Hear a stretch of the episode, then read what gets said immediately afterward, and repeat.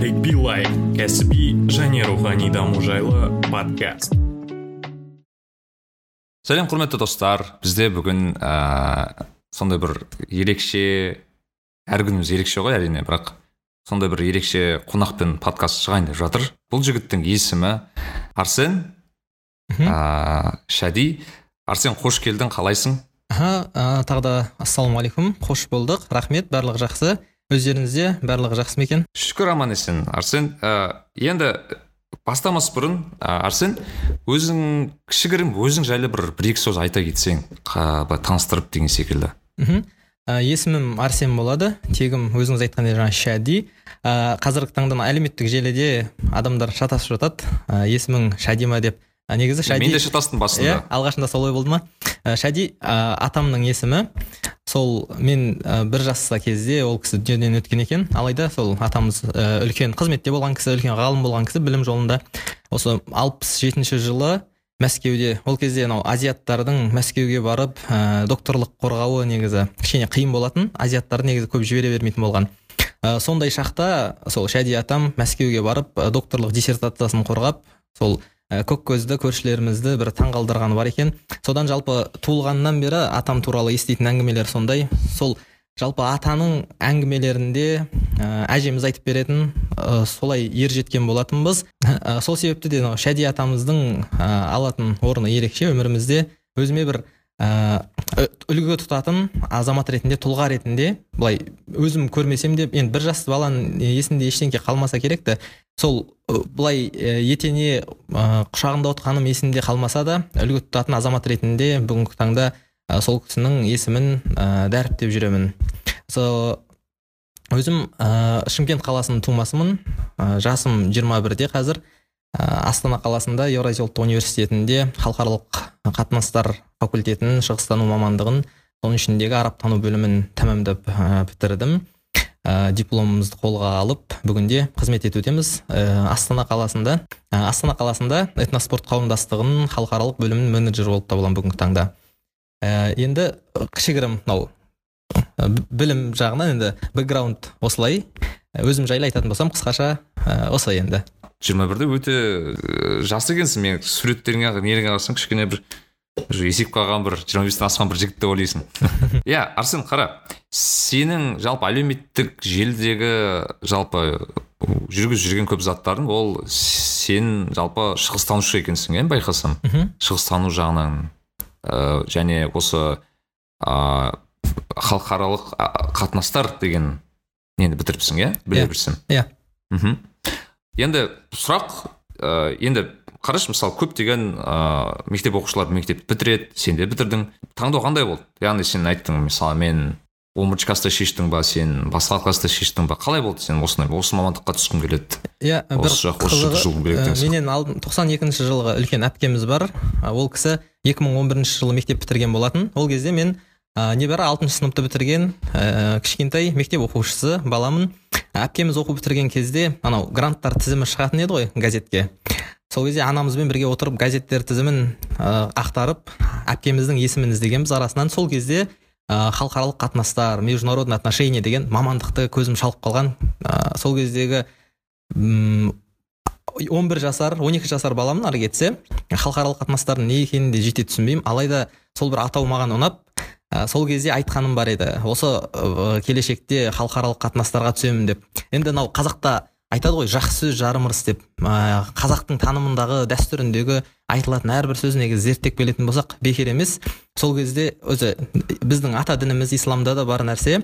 Адам бір жақсы сөз айтатын болса тіптен бір қарғыс я болмаса бір жаман сөз айтатын болса да періштелер аумин деп қойып аллах тағала қабыл етіп жіберуі мүмкін деген. Сол кездегі жаңағы аузымыздан шыққан бір ауыз сөз ә, алланың құзырында қабыл болып кетсе керек.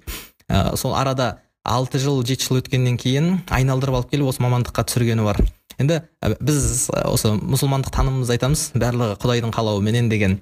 Ә, сол себепті де құдайдың қалауыменен осы болды. Бірақ іштегі менің тілегім қалауым сол еді. Сөйтіп ә, сол іштегі тілекпенен он бірінші классқа жеттік он бірінші классқа таңдауға келген кезде өзі негізі тоғызыншы классқа келген кезде мектептерде басталады ғой.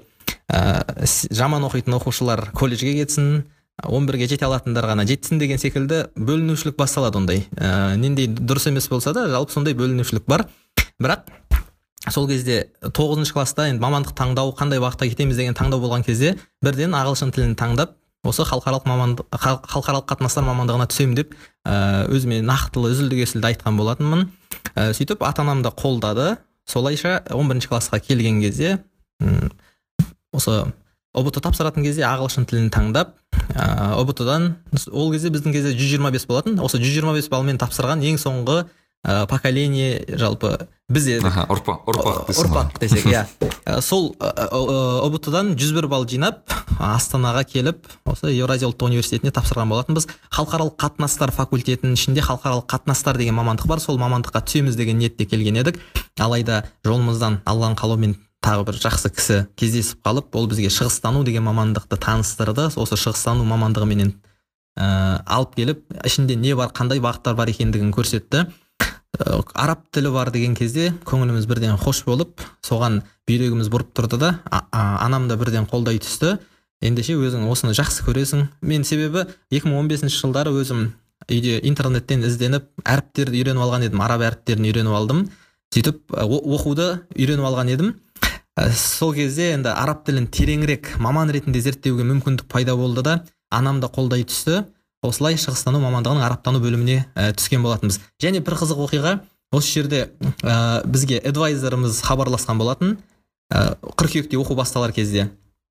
Ә, кафедраға келіп таңдаған мамандықтарыңыз тіл тілдің тұсына қол қойып кету керек деді. Себебі бізде шығыстануда қытай тілі бар корей тілі бар жапон тілі бар. тілдер көп қой. Тілдер көп. Яғни шығыс тілдері. Мен барған кезде байқаусызда қытай тілі дегеннің маңына қол қойып кеткен екенмін. Ол құжат ретінде бекітіліп ары қарай деканатқа өтіп ә, ректоратқа өтіп кетер еді. Егер де мен эдвайзерге жаңағы араб тілін таңдаймын деп айтпағанымда яғни менің араб тілін таңдайтынымды ешкім білмегенде бүгінде қытай тілінің маманы болып шығар едім. Егер оны оқыған болсам осы төрт жыл бойы. Ә, ол яғни оңай тіл емес ол да. Кез келген адамға көндіге қоятын тіл емес болғандықтан.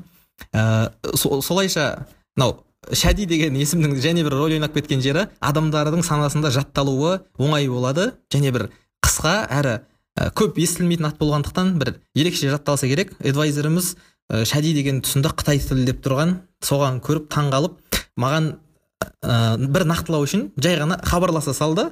Ол да әйтпесе телефонымды көтермегенде солай қытай тілі деп бер жібермекші болып отырған екен. Ә, хабарласты. Сіз араб тілі деп айтып едіңіз ғой дейді. Иә мен араб тілі деп айтқанмын неге ендеше қытай тілінің жанына қол қойып кеттіңіз дейді. Мен шатасқан екенмін ғой деп сөйтіп сол жерде ә, реттеп туралап араб тіліне барған болатынбыз. Бұл да бір алланың жазған болып тұр ғой осындай иә. Иә машалла. А енді қарашы ә, мысалы бізде шығыстану мен шын айтайын өзім мен инженермін.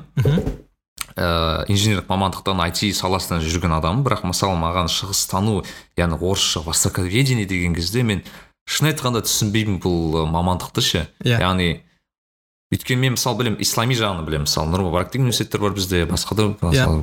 басқа мысырлық университеттер бар бізде басқа. Дұрыс айтасыз. ол, ол мысалы дін жағын зерттейді. А мысалы халықаралық қатынастар ол более андай бір политиктарды немесе осындай политик емес неден андай? Осы дипломаттар дайындайды десем болады иә көбінесе. А востоковедение деген жаңағы шығыстану деген мен онша шын айтқанда түсіне алмаймын да бұл яғни бір бұл мамандықтың ерекшелігі қандай деген секілді. Өзің қалай түсіндіре аласың? Жалпы шығыстану біз ә, қазақ қазақстанның жағдайында қарастырып көрелік. Қазақстан өзі негізі шығыс өркениетінің бір бөлшегі болып табылады. Өзі әлемде ә, екі тарап болса біреуі батыс біреуі шығыс. Жалпы адамдардың адамзат тарихында қалыптасқан осындай ұғым. Батыс бар кейін батыстың араласуыменен шығыс деген ұғым пайда болды. Осы шығысты зерттеуді алғаш бастаған батыстықтар болды. Ол кездегі ниет алғашқы негізгі мақсаттары ниетін олар жаулаушылық мақсатта. Батыс колонизаторларын білеміз. Еуропаның голландия бар голландия бар франция бар англия бар мұхиттың арғы бетіне асқанда ә, италия бар кейін мынау солтүстік африка жерлерін отарлаған. Енді сол секілді әлемдегі өзінің орны бар осы ресей патшалығы империя ол да өзінің маңындағы мемлекеттерді отарлай бастады. Сол соның нәтижесінде сол орыс шығыстанушыларының жұмыс жасауының орыс түркітанушыларының жұмыс жасау нәтижесінде біздің жерлер отарланған болатын. Яғни былай алып қараған кезде шығыстану қазақ қазаққа бір жау ғылым ғой ә, асылында алып қарайтын болсақ және ислам дініне жау ғылым болып табылады. Сол себепті мынау араб тілінде шығыстанушыны мусташрих деп айтады. Ә, ислами шариғатты оқыған мысалы сурияның ғалымдары жалпы араб елінің әлемінің ғалымдары мусташриқтарды жақтырмайды. Яғни исламның жауы деп біледі. Ә, соның ішінде енді мен де мусташрих болып саналамын бірақ та біз ә, қазақстаннан шыққан мусташрих болып табыламыз. Қазақстанның шығыстанушысымыз енді біздің айырмашылығымыз бар. Біз, біз өзіміз бұл жерде біз бір жау емеспіз дейсің ғой. Біз біз жау емеспіз иә. Ә, бұл жерде бірақ бір парадокс бар да. Қазақ қазақстан өзі шығыс бола тұрып шығысты зерттей алмайды. Алайда орыс жаңағы орыс востоковедениесінен қалған мұра ретінде қазақстанда шығыстану ілімі қалды. Қазақстанда тек үш жерде ғана оқытады шығыстануды. Ол бізде осы астанадағы елордамыздағы казгуда оқытады есімде иә, болса. екіншісі казгуда үшіншісі абылайхан атындағы инияз жалпы шет Иә, тілдер иә, иә. институтында оқытылады. Осы үш мектебі ғана бар қазақстанда. Сол ә, орыс востоковедениесінің мұрасы ретінде қалған. Енді біз бүгінгі таңда мен ә, өзімнің көзқарасыммен өзімнің призмаммен алып қараймын. Осы бүгінгі таңда адамдарға танытып жүргенім ә, адамдарға насихаттап жария жарияға жар салып жүргенім ә, біз шығыстанушылардың жаңа бір толқынымыз деп айтамын. Яғни ә, мен және менің жанымдағы мен секілді менің танымымдағы адамдар деп. New generation. New generation деген секілді иә. New wave десек те болады. Ә, біздің танымымыз бөлек деп. Біз шығысты ә, отарлау мақсатын ә, отарлау мақсатында емес ә, керісінше енді мынау ә, батысқа қарсы ә, противовес деп айтады ғой орыс тілінде. Сол ә, сол мақсатта ислам дінін дәріптеу мақсатында өзіміздің ұлттық құндылығымызды дәлелдеу мақсатында ә, зерттейміз деп. Бүгінде енді мынау менің ә, узкопрофессионально ішіне кіретін болсақ мен араб тану бөліміне менің жанымда менің группаластарым болды. Олар біреулер синологтар қытайды тереңірек зерттейді. Біз жалпылама оларды да зерттедік. Алайда тереңдей кеткен кезде әркімнің өзінің жеке бағыты бар. Енді біз араб әлемі өте кең. Араб ұлттар лигасы бар. Ол араб ұлттар лигасына кіретін 22 мемлекет бар. Ә, бүгінгі таңда осы арабтар шоғырланған парсы шығанағы қазақстан үшін инвестиция жағынан өте маңызды рөл ойнайды. Ә, біз біріккен араб әмірліктерімен өте тығыз қарым қатынастамыз одан бөлек ә, жалпы мұсылман әлемі үшін өте маңызды мекке медине орналасқан сауд арабиясы корольдігі бар. Ол, ол олармен де біздің мынау қажылық бар умра бар ә, бүгінде енді туризм ашылып жатыр. Ә, медицина жағы бар қарым қатынас өте тығыз. Яғни од- одан а, қала бері таяу шығысқа келетін болсақ ә, ливан сирия жерлері бізде қазақстанның мысалға ерікті әскері ливанда ә, қазақстаннан адам жіберген біріккен ұлттар ұйымының араласуыменен. Одан ә, сириядағы оқиғалар сирияға кеткен қандастарымыз оларды елге қайтару мәселесі кешегі ә, жусан операцияларын білеміз. Соның бәрінде атсалысқан ә, белді елге белгілі ә, шығыстанушылар. Олардың еңбектері орасан зор сол жолда. Яғни бүгінгі таңда мынау таяу шығыс осы араб әлемі өршіп тұрған мәселе ә, сол үшін де бізде нақты білетін мамандар керек. Мынау ә, дилетантство деген нәрсе бар ғой. Өзінің мамандығынан емес адамдар сол мамандық бойынша сөз сөйлей бастайды. Ал бізге енді ә, сирия мәселесін шешу бойынша нақты мамандар керек. Осы шығыстану мамандығы шын мәнінде соларды дайындап шығара алады. Енді ол ол ол ол бағытта тек қана бір ғана маман жеткіліксіз шығыстанушы ғана жет- жеткіліксіз оның қасында дінтанушысы болады өзінің. Ә, солай секілді. Бірақ та ә, шығыстанушының да өзінің атқаратын негізгі рөлі бар. Себебі шығыстанушы сол елдің геосаяси жағдайын біледі оның тарихи бэкграундын біледі. Ә, сол себепті оның бір аналитикалық қабілеті болады. Шығыстанушы үшін ең маңызды нәрсе он, ол аналитик болғандығы. Себебі бүгінде аналитиктер өте аз ә, алынған ақпаратты сол күйі қабылдайды бірақ оны сараптай алмайды. Ә, шығыстану ілімі сол нәрсені ә, жалпы сараптау сараптау қабілеттерін арттыруға машықтандырады десем болады. Мм, мхм. Керемет жақсы жақсы түсіндірдің. Ә, енді қарашы мысалы сен мысалы араб тілін таңдадың ғой. Бірақ мысалы мен сен айтқандай ә, ең әлемдегі былай нестабильный десем бе екен өте бір сондай бір бағана сен айтпақшы өте өршіп тұрған жағдай ол араб мемлекеттері ғой енді. Мхм. Шын айтқанда осы бағанағы жиырма екі мемлекеттің бір аузы ә, басы қосылмайтын бір ә, неге айналды ғой енді бір біріне жау болып иә. соғыс көп деген секілді.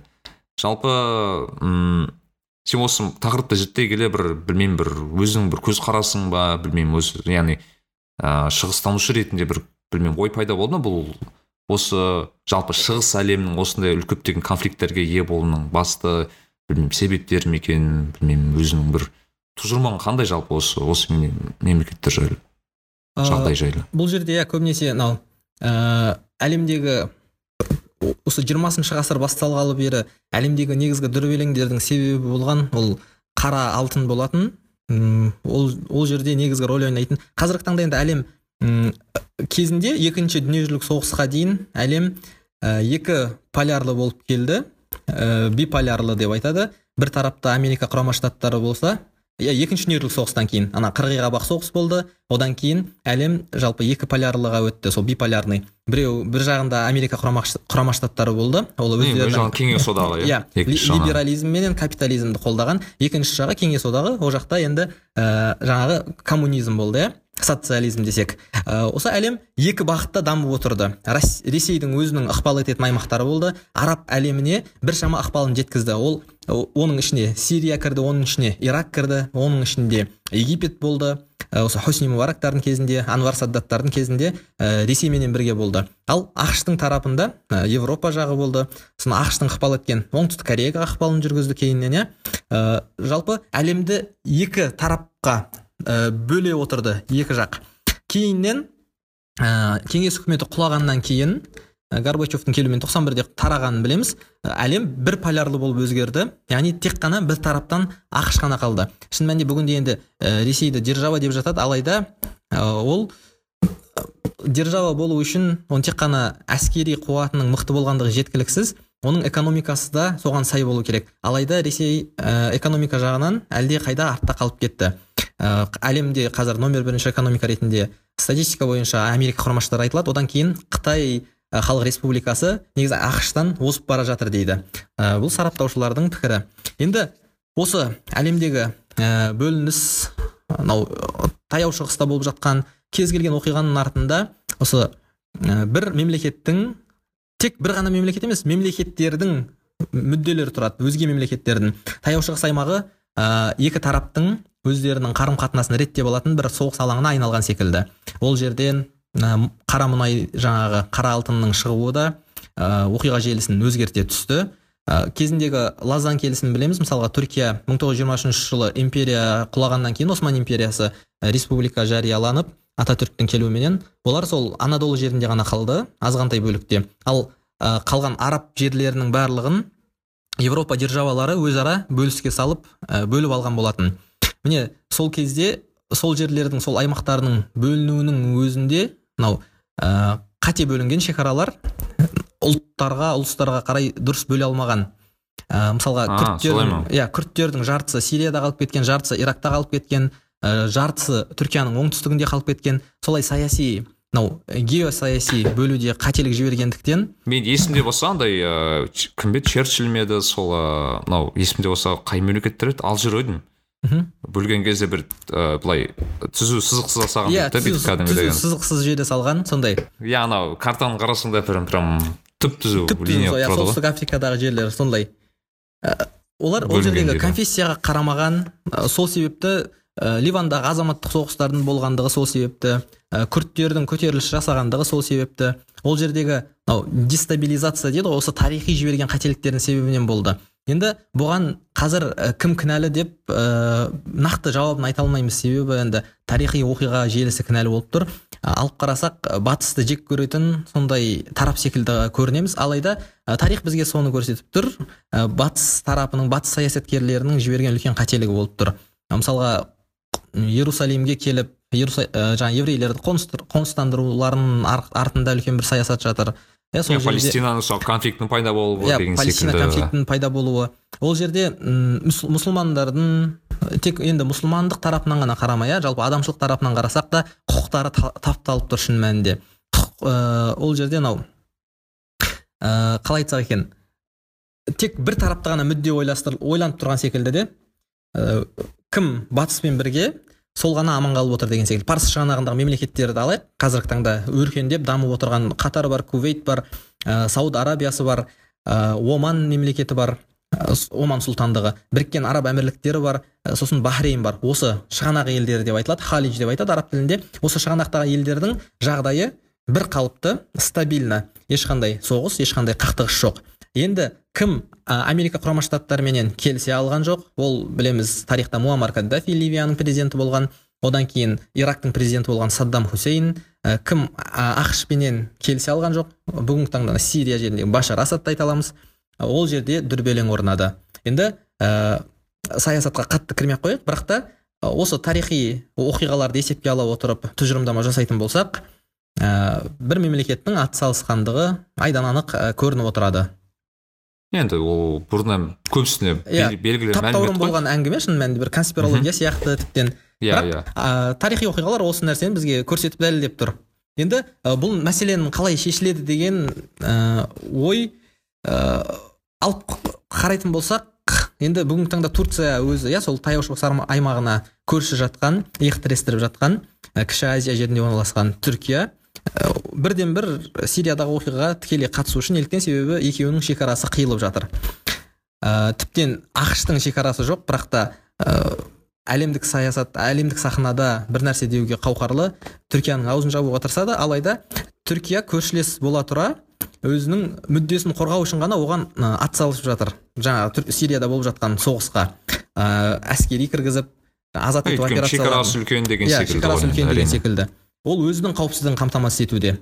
Ә, оқиғаның қалай өрбитіндігі ә, белгісіз. Мен осы тақырыпта ә, түркияның сирияға қатысты ұстанған саясаты атты тақырыбында ә, дипломдық жұмыс жазған болатынмын. Ә, соңында қорытындылағанда ә, осылай жазған едік. Ә, оқиғаның желісінің қалай болатындығы белгісіз. Пандемияға байланысты қақтығыстар біршама тоқтаған етін. Алайда оқиға реттелгеннен кейін қақтығыстардың әрі қарай жалғасатындығы сөзсіз. Бірақ түркияның жасап жатқан еңбегі солтүстік аймақта қауіпсіздік зона дейді ғой буферная зона деп айтады. Қауіпсіздік аймақтарын құрды сириядағы сирияға босып келген босқындардың бір шамасын сирияға қайтара алды. Және босқындардың көбісін өзіне қабылдап алғанда түркия болды. Ә, сол себепті түркия барынша аймақтағы жағдайды ә, тұрақтылыққа келтіру үшін жұмысын жасап жатыр. Бірақ оған ә, сыртқы күштер мүмкіндік бермеуде. Енді оқиғаның қалай өрбитіндігін нақты ешкім айта алмайды. Себебі осы түркия президенті эрдоған егер президенттіктен кететін болса оның орнына ә, солджалар деп айтады түркияда. Мынау либералистер олар жаңағы ә, ататүрк кемалистер кемалистік партияға жататындар.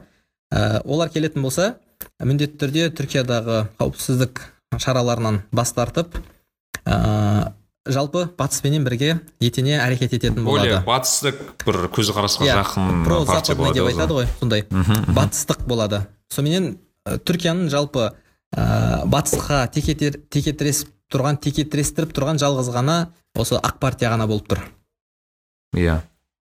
Иә бұл ы, өте сондай бір күрделі өте түсініксіз кейде ы, тақырыптардың бірі ғой өзі. Иә. Бірақ арсен да мысалы қара бізде жалпы осы мемлекеттердің бір жағынан алтыны да бір жағынан бір қатерін тигізген де мұнай ғой негізі шын айтқанда ше мысалы. Иә. Өйткені ы, шын айтқанда мұнай пайда болып жатып ол мұнай пайда болғаннан бастап точнее олар ы, осындай бағанағы бөліс басталды деген секілді. Енді просто мен мысалы көп ы, мемлекеттерге барамын әртүрлі.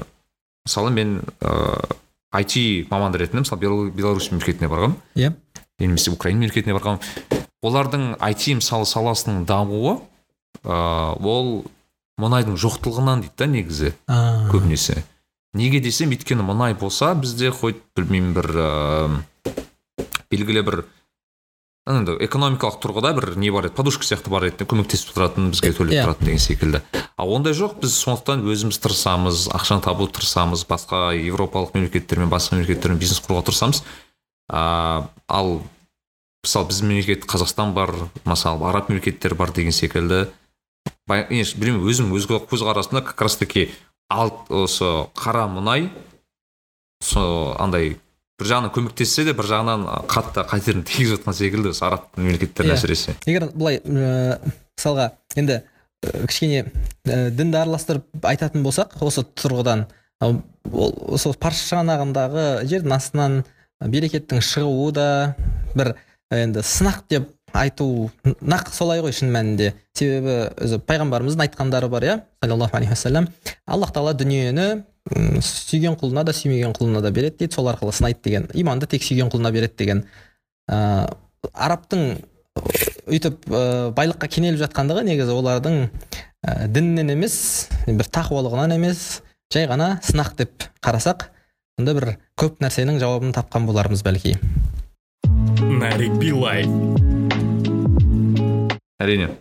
Ә, арсен мына мынау ә, тақырыпты қозғағым келіп еді сен жалпы араб тілін өте бір жетік меңгерген екенсің. Бірақ сен білсем сол ә, араб тілін мектепте кішкене бастадың дедің иә. Кейін сол университетке түсіп яғни ары қарай жалғастырдың.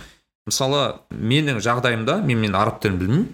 Бірақ ыыы мен андай классический андай ады, жолды өткен адам да яғни мысалы біз мешітке барып ыыы тажвид өтесің тажвидтан оқу жазуды үйреніп аласың ыыы құранға түсесің кейін ыыы аз маз білмеймін мысалы мен өзім ыыы қайсы еді ана деген сияқты кітаптарды бастап бір бірінші томдарын бастап сол ең оң- оңай кітаптар ғой.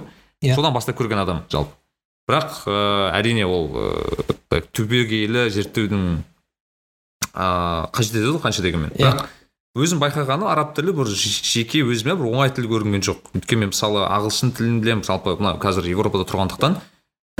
Ыыы еуропалық тілдердің в принципе жағдайын білемін да ол еуропалық тілдерді мысалы үйрену оңай ол жағынан. Себебі ыыы бір тіл екінші тілге өте ұқсайды. Иә. Өзің білесің. Өйткені мысалы білмеймін бір француз тілін үйренсең итальян тілі тұр итальян тұрса ар жағында испан тілі тұр. Яғни бір біріне ұқсап ұқсап кете береді. Ә, түрік ә, түркі тілдері де сондай яғни. Мысалы қазақ тілі бар түрік тілі бар арасында қаншама ұқсас тілдер бар. Бірақ араб тілі маған ерекше бір өзі өзгеше көрінді. Өйткені ыыы қанша дегенмен өте үлкен тарихы бар өте өте көне бір тілдердің бірі да. Енді білінеді да зерттегеннің өзінде. Мен мысалы былай ыыы кәсіби емес көзқарастың өзінде. Иә. Жалпы саған сұрақ араб тілін үйренуге деген мотивация қайдан пайда болды сенде? Өте бір сондай бір оңай емес тіл ғой қанша дегенмен. Мхм. Ә, ең бірінші иә сол мектеп кезде бастаған кезде м, өзім ынтам қатты болды. Жаңа сіз айтқандай құран оқығым келді. Сол құран оқуға деген махаббат өте үлкен болатын. Енді білесіз ғой біз алғаш қазақстан жағдайында қалай? Әдетте біз кириллицамен жаттап аламыз. Соны ыыы тәжвиді ештеңкесі дұрыс емес. Классика ғой иә оқып жүреміз солай. Ыыы сол секілді бір бірнеше қысқа сүрелер жаттап алып соларды айтып жүретін м, сөйтіп өзім енді өзінше адам ойлайды ғой дұрыс оқып жүрмін деген секілді. бір күні бір кісі қатты бір сын айтқандай болды. Қате қате ғой деп. Енді ол кісінің тарапынан сол, сол айтылған сөзден көңіліме қатты алып қалған болатынмын. Ә, адам сен осы сонша уақыт ойлап жүресің өзің дұрыс оқып жүрмін деп төтеннен біреу келеді бүкілін күйретіп жібереді. Бірақ шын мәнінде сол нәрсе үлкен бір ә, толчок үлкен бір движок болған секілді. Өзім қатты намыстандым. Орыста айтпақшы золотой пендель дейді ғой иә орыстар. сол секілді аха. Өзім қатты бір ә, намыстандым. Сөйтіп ә, көп құдайдан сұрай бастадым дұға етіп. Осы құранды ә, таза оқысам екен түсінсем екен. Шын жүректен былай қатты қаладым. Енді ә, сөйтіп енді нақтылы бір ә- әрекетін де жасау керек қойған ол кезде интернет мынау ютубқа кіріп қазақша тауып алдым. Асыл арна бар екен сол асыл арнаның сабақтарын қарадым. Ә, сөйтіп жүріп жалпы бір бір екі айда ма жаңағы оқуды үйреніп алдым. Онда да ежелеп сол ыыы ро тә деген секілді ыыы ежелеп оқуды солай үйреніп алғам. Бірақ одан ары қарай бір прогресс болған жоқ сол күйі тоқтадық. Себебі ыыы мектеп кезде сол қосымша математика бар басқа бар курстарға баратынбыз мүлдем қол босаған жоқ. Сол оқу деңгейіне жеткеннен кейін тоқтаған болатын. Бірақ соны ұмытпай ұстап қала алдым кейіннен университетке келген кезде араб тіліне белсенді түрде кірісе бастағанда сол кездегі ә, оқыған нәрселеріміз үлкен пайдасын тигізді. Ә, әріптер алфавит әріп деп отырған жоқпыз. Тез тез өтуге мүмкіндік пайда болды. Сөйтіп ары қарай оқып ә, осы араб тіліне кіруге мүмкіндік пайда болды. Алғашқы кездер өте бір қиын кезеңдер. Ә, адам сыналады қай кезде? Ең алғашқы соққыда сыналады ғой негізі. Сол алғашқы Иә, иә. соққылар ә, ауыр болған етін жарты жолдан тастап кететіндей бір сезімдер болды. Бірақ та ешқашан өзіме айтпаған екенмін. Осыны болды тастаймын мен ары қарай бара алмаймын шаршадым деген секілді. Жоқ ә, әрекет ете бердік. Сосын параллельді түрде көп ә, сұрай беру керек екен. Енді сенім бар адам үшін бұл нәрселер егер құдайға сенбейтін адам үшін бұл әсер етпеуі мүмкін. Жалпы сенім мәселесінде ғой көбінесе. Көп құдайдан сұрай бердім. Осы зейінімді аша гөр дұға етіп иә. Кеудемізді аша көрсін деп аллах тағала сөйтіп ә, түсініксіз нәрселер өздігінен ә, түсінікті бола бастайды. Ана ә, бір мықты тәсіл бар екен. Адам басы қатып бір тақырып түсінбей жатса сол жерден қою керек екен жауып тастау керек екен болып барып бір айналып демалып келу керек екен. Анау ә, жаңа леппенен жаңа тыныспенен келіп қайта қараған кезде құдай бір жауабын көрсетіп қойғандай болады. Сөйтіп ары қарай ә, жалғасып кете береді. Алғашқы кездер ана етістіктерді жаттау енді қиын. Араб тілі өзі ә, етістіктерден осы үш түбірден шығып отырады көп сөздер. Ең алғаш қиын болған нәрсе сол. Мысалы араб тілінің сөздігін ашып жіберіп оны анау ағылшын тіліндегідей abcd бойында емес өзіңіздің аудармасын тапқыңыз келген сөзді таба алмайсыз. Себебі ол жетістікті іздеу керек емес пе еді ол иә етістікпен іздейді ортаңғы жалпы негізгі түбірменен түбір деген нәрсе болады сол түбірменен іздеу керек болады. Оны сөздікті пайдаланудың өзінің бір оған да бір білім керек екен да арнайы. Машықтану керек иә машықтану керек аха. алғашында сөздік сатып алғам не оны қолдана алмаймын. Ә, көңіл түсетін жерлер болды әлбетте. Алайда анау іштегі бір ынта бір осы тілге деген махаббат ә, тоқтатқан жоқ. Әрекетін жасай бердік. Ә, қазір мен нон стоп болып бір күні түні жаңағындай тек қана араб тілімен отырдым демеймін бірақ араб тілінің сағаттарын көп бөлетінмін. Ә, күніне қанша сағат мысалы бөлетін оны күніне бір так бір бес сағат алты сағаттан болатын. Түн үй- үйде тұратын аға таңертең қараса да сабақ оқып отырамын үйде. Сосын түнде олар ұйықтайын деп жатса да сабақ оқып отырамын бір күні келіп айтқан сен осы сабағың біткен жоқ па? дейді да жаңағы. Сен ғалым болып кететін кезің болды ғой? дейді. Әрдайым түнде түнде де отыратынмын. Сол кезде ә, және анау ә, студенттерге бәлки енді оқуға түсіп жатқан адамға бір ә, керекті мағлұмат болатын шығар. Осында айта кетейін. Мен студент кезде ә, енді шымкент қаласынан ә, елордаға барған кезде менің достарым болған жоқ. Группамда көбісі қыздар болды. Былайша айтқанда қыздардың арасында бітіп шықтым десем де болады. Екі ұл жігіт бар еді. Ә, ұлдар ә, біреуі бір жылдан кейін оқудан шығып кетті екіншісі екінші жылдан кейін оқудан шығып кетті. Солай ұлдар жалғыз қалдың. Иә арабтанушылардан жалғыз бітіріп шықтым. Ә, сол кезде достың болмағандығы негізі өте көп көмегін тигізді. Достарым барлығы олар да оқуға түсіп жан жаққа кетті қазақстанның әр қаласына. Сонымен тек қана олармен ә, әлеуметтік желі телефонменен ғана байланыста қалдық. Каникулда барған кезде жолығып тұрдық. Бірақ оқу уақытында астана қаласында досымның болмағандығы жақын досымның иә?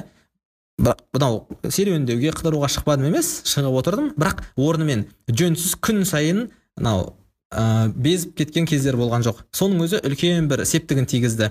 Және де жанымда өзімнен үлкен ә, 94-ші 93-ші жылғы ә, ағалармен тұрдым. Олар да сол білім жолында түркітанушылар еді. Түркітану мамандығын бітірген магистратурасын бітірген сол ағалармен бірге тұрдым. Оның өзі үлкен септігін тигізді. Олар керісінше осы біз секілді жастардың балалардың дұрыс оқып үлкен маман болғандығын қалаған адамдар ә, біз үшін әрдайым дұға етіп жүретін тілеуіміз тілеп жүретін адамдар еді. Міне жанындағы адамның да ә, ойнайтын рөлі өте маңызды екен. Ол адамды әсер етеді. Егер жанындағы тұратын негізі жасқа байланысты емес себебі 25-тегі ер азаматтарды білеміз. Үйіне плейстейшн алып келіп арендаға плейстейшн ойнап отыратын деген секілді.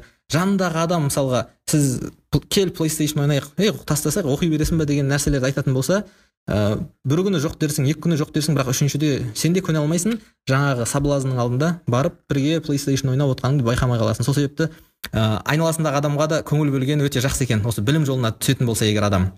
Жалпы өмірдегі мынау қоғамдағы өзінің орнын табамын десе тек қана білім жолы демеймін бірақ осы өмірде айтады ғой мұхамеджан аға иә? өмірде өшу оңай өсу қиын деп. Нағыз өсем деген жігіт осы бос нәрсеменен айналыспаған дұрыс қой негізі. Нарик билай.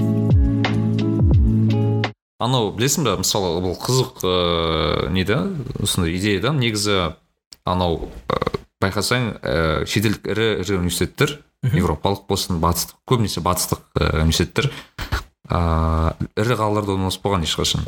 А міне иә. Ә, иә ол неге? Өйткені бағана сен айтпақшы ә, студенттерді өздерінің типа личная жизнь ночная жизнь найт лайф дейді студент лайф дейді деген сияқты заттар бар иә ол әсіресе университет ә, ана американдық голливудский бағанағы фильмдерді көрсетеді да яғни осылар ішіп қуып бүйтіп жүретін студенттерді да ал ә, мысалы байқасаң мысалы оксфорд болсын гарвард болсын қандай бір қандай да бір ірі университетте қалсаң ол шалғай шалғай бір ауылдарда орналасқан да. Иә. И мысалы мен қазір ә, нидерланды мемлекетінде отырамын. Бұл жерде бірнеше ірі топ университеттер бар да әлемнің. Соның ондығына кіретін кейде бірінші орындарды алатын. Олар ешқашан қалада орналаспайды Иә. шын айтқанда. Өйткені ол бір ол жерге жетудің өзі бір азап ы, ана жерлерге ше. Ал ы, соны ойлаймын да негізі ол бізде қазақстанда жалпы жиі қолдана алмайтын осындай бір жақсы мүмкіндік қой. Негізі жеріміз үлкен. Бірақ біз почему то бүкіл университеттер қаланың ішіне тығуға тырысамыз да. Мысалы даже сен мысалы евразия ұлттық университетті айтасың қалаға шығасың. Мен білетін жалғыз университет ол сүлеймен демирел университеті Иә. олар қаскелеңге салған да. И оның өзіне бір жақсылығы бар. Негізі өйткені ол жерге оқыған балалар айтады өйткені шынымен шығайын десең шығатын жер жоқ оқисың да иә сондай бір сондай бір атмосфераға кіресің. Дұрыс айтасың, ол, әрине сондай бір сондай да мәселе бар. А қарашы мысалы вот адам мен өзімнен сұрақ енді өзім жеке сұрағым ғой енді әрине. Иә иә. Менің мысалы араб тілді зерттеген кезде сол бағанағы айтпақшы бірінші таңғалдырған зат енді көрермен тыңдап жатқан шығар білмегендер бар шығар. Араб тілінің бір өзінің бір ерекшеліктері бар да мысалы өзім таңғалдырған. Ол біріншісі ол араб тілінде кез келген сөздің негізі ол етістік иә? Солай емес пе өзі? Ну иә а- көпшілігі ашық аха. көпшілігінің иә бас басым көпшілігінің. Аха. Мен басында сол басында анау видимо біз бағана латын тілді елдердің тілден үйренгеннен кейін анау ана идеяның өзіне келуіне біраз уақыт кетті да маған қалай сонда деген секілді. үшін иә? Иә анау түсіне алмайсың да қалай сонда кез келген судың ә, андай көп көбісі андай бір етістік болады яғни сол бағанағы классический ана пр- пример фағаля фағаля деген ол жасау немесе Иә. кәтаба жазу деген сияқты мәктуб деген сол жазда содан шыққан китап деген содан шыққан деген секілді түр түрін ашасың жазасың көзім ашылады да мәссаған деген секілді мынау осы мынау не деген бір қызық екен деген. А бірақ белгілі бір қиындықтар бар. Ол рас бағана сен айтпақшы етістіктерге әсіресе келген кезде. Вот сен өзің бағанағы сен бағана өттің ғой осы жолды қаншама сағаттар тер төктің. Белгілі бір қиындықтар бар. Сол қиындықтарды өтудің қандай бір өзінің бір жеке тарапыңнан бір білмеймін кеңес айта аласың. Осы бірінші курсты бірінші курсты тәмамдай салысыменен одан кейін ә, марокко корольдігіне үш айлық стажировка шыққан болатын. Тілдік курс бойынша мағриб деген араб тілі және марокко мәдениеті деген. Ә, соған бірден ол ақылы түрде болды бірақ осындай ұсыныс келді. Үйдегі ата анаммен сөйлестім ол кісілер бірден келісім берді. Солайша ә, шіл ма- маусым айын иә жоқ шілде айында қыркүйектің аяғына дейін қазан айында оралдық. Үш айға сол мароккоға кеттік. Оның өзі мынау бір жыл бойы оқыған нәрсені пайдаланатын бір платформа пайда болғандай болды да. Не практика жасауға практика жасау үшін. біз мынау оқып жаттаған нәрсемізді қуана қуана ол тыңдап тұрған адамға қызық болмаса да бар күшімізді салып соларға айтуға тырысатынбыз. Ә, тыңдаушы болмаса сөз жетім деген мынау сөздердің қадірін түсіне бастайсың сол кезде. Қазақстанда енді қаншалаған жерден бір адамды отырғызып қойып мен айтып берейін сен тыңда десең ешкім тыңдай қоймайды ғой. Ал ол жерде бір мүмкіндік пайда болды. Оның үстіне оларға да қызық етін неліктен себебі біз көздеріміз сықсиып иә азиядан келіп арабша тіптен бір керемет сөйлеп тұрған кезде оларға шын мәнінде бір таңғаларлықтай болды. Біздің мынау ә, нутық нутық дейді произношениеміз барлығы өте әдемі келіп ол ана бір американдық адам бізге келіп қазақша сөйлеген секілді ғой тура сол секілді иә. И бізде біз біздегі барғандардың көбісі осы произношениесін барлығын өте әдемі қойды. Сол себепті ә, сол жергілікті халық үшін ол бір қызық дүние етін ә, сол пайдаланатын жер болғандықтан ә, жан тәнімізбенен біз барынша пайдаландық. Және сол барған азғантай уақыттан көп пайдаменен қайтуға бар күшімізді салдық та ол жерде де көп уақытты оқуға бөлуге тырыстық. Және базарда жүресің елді мекенде жүресің еріксіз түрде мынау оқыған нәрсеңді пайдаланады екенсің. Міне ең бірінші себеп пайдалану екен. Ә, сынып қалмас үшін жарты жолдан кетіп қалмас үшін ары қарай ә, даму үшін бір дәмін сездіру керек. Алайда яғни бір практика керек дейсің практика керек. Практикадан бөлек ол жерде ана сезінетін ә, елде жүріп сезіне алмайтын бір сезімдер болады да бөлек.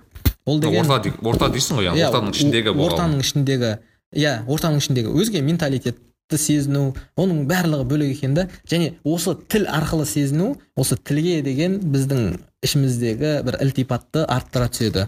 Енді бізде сондай мықты жігіттер бар. Елден шықпай да тілді керемет игеріп алған.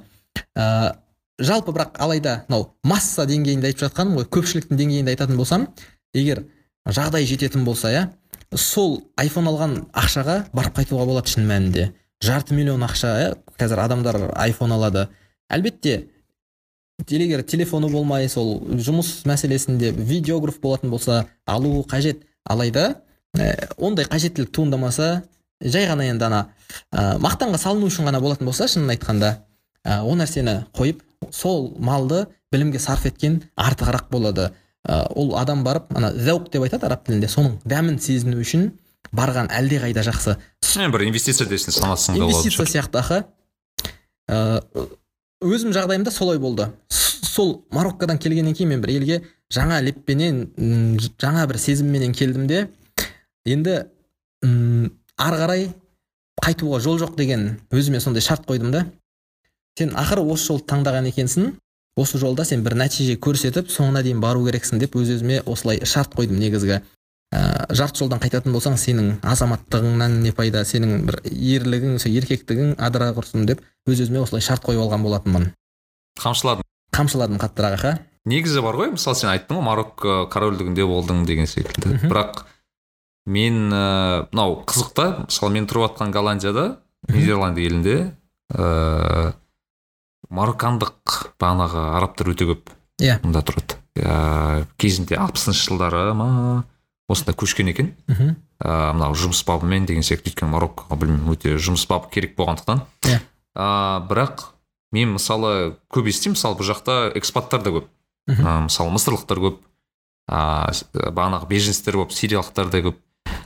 Жалпы бірақ арасында жүрсең ыыы маған мысалы бір мысырлық ыыы мысалы әріптесім маған келіп мынандай сөз айтқан еді да мен мынау мароккандықтарды түсінбеймін деп. Мен вроде араб тілінде сөйлеймін бірақ мыналардың арабшасын онша түсіне алмадым деп. Иә иә. Яғни э, араб яғни айтады да мынау бағанағы акцент акцент емес шығар енді белгілі бір э, өзінің бір белгілі жолмен сөйлейтін араб тілі ғой енді. Араб тілі бағана жиырма екі мемлекет болса жиырма екі түрлі жолмен сөйлейді дейді да. Дұрыс дұрыс шын айтқанда. Ә, бірақ марокконы ол ерекше бөліп айтты да ол, ол вообще там білмеймін бөлек бөлек мемлекет деп айтты. Сен қалай сездің осы мароккандықтардың жалпы тілі қандай өзі. Иә өзі. Жалпы біз университетте мұғалімдеріміздің көбісі мысырлықтар сол себепті мысырдағы жаңағы диалектіні әммия деп айтады. А, ол мысырдағы диалект. Одан кейін жалпы ләхжа деген нәрсе осы диалектілер. 22 мемлекет болса жаңа сіз айтқандай дұрыс 22 түрлі диалект бар. Ол бірақ біздің қазақстан жағдайындағы диалект сияқты емес оңтүстік пенен батыстың айырмашылығы секілді емес. Ә, олардың диалектикасының айырмашылығы өте орасан зор. Оның ішінде негізгі классикалық араб тілі ол фусха деп айтылады.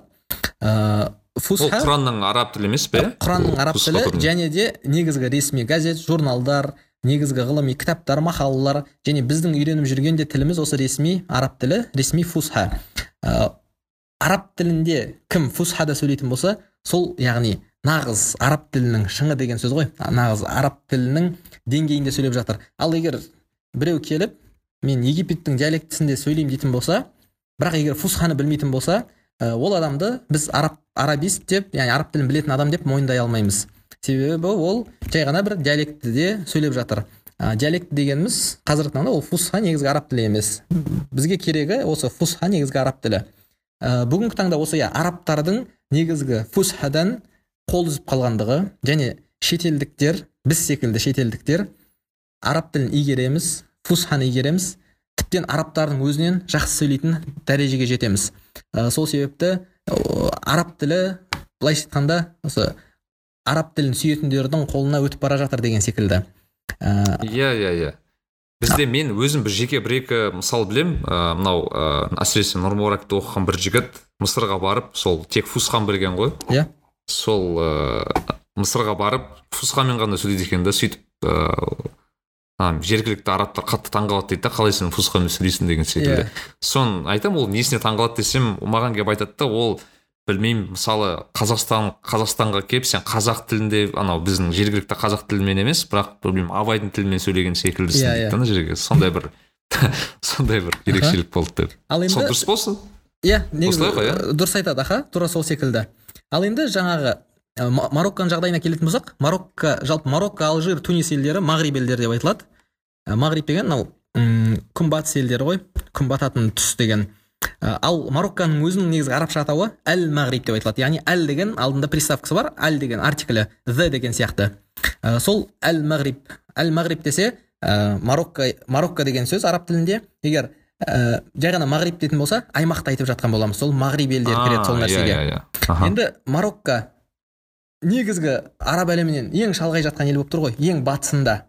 Олардың ә, негізгі жергілікті ләхжасын дәриджа деп айтады дәриджа сол дәриджа өте қатты айырмашылық бар. Оны арабтардың өзі түсіне алмайды жаңағы египеттің арабы болсын сауд арабиясының арабтары дәриджаны түсіне алмайды. Бірақ егер марокконың негізгі мынау мемлекеттік ресми тілі ол араб тілі. Ол жай араб тілі емес жаңа біз айтып жатқан фусха сол әдеби араб тілі.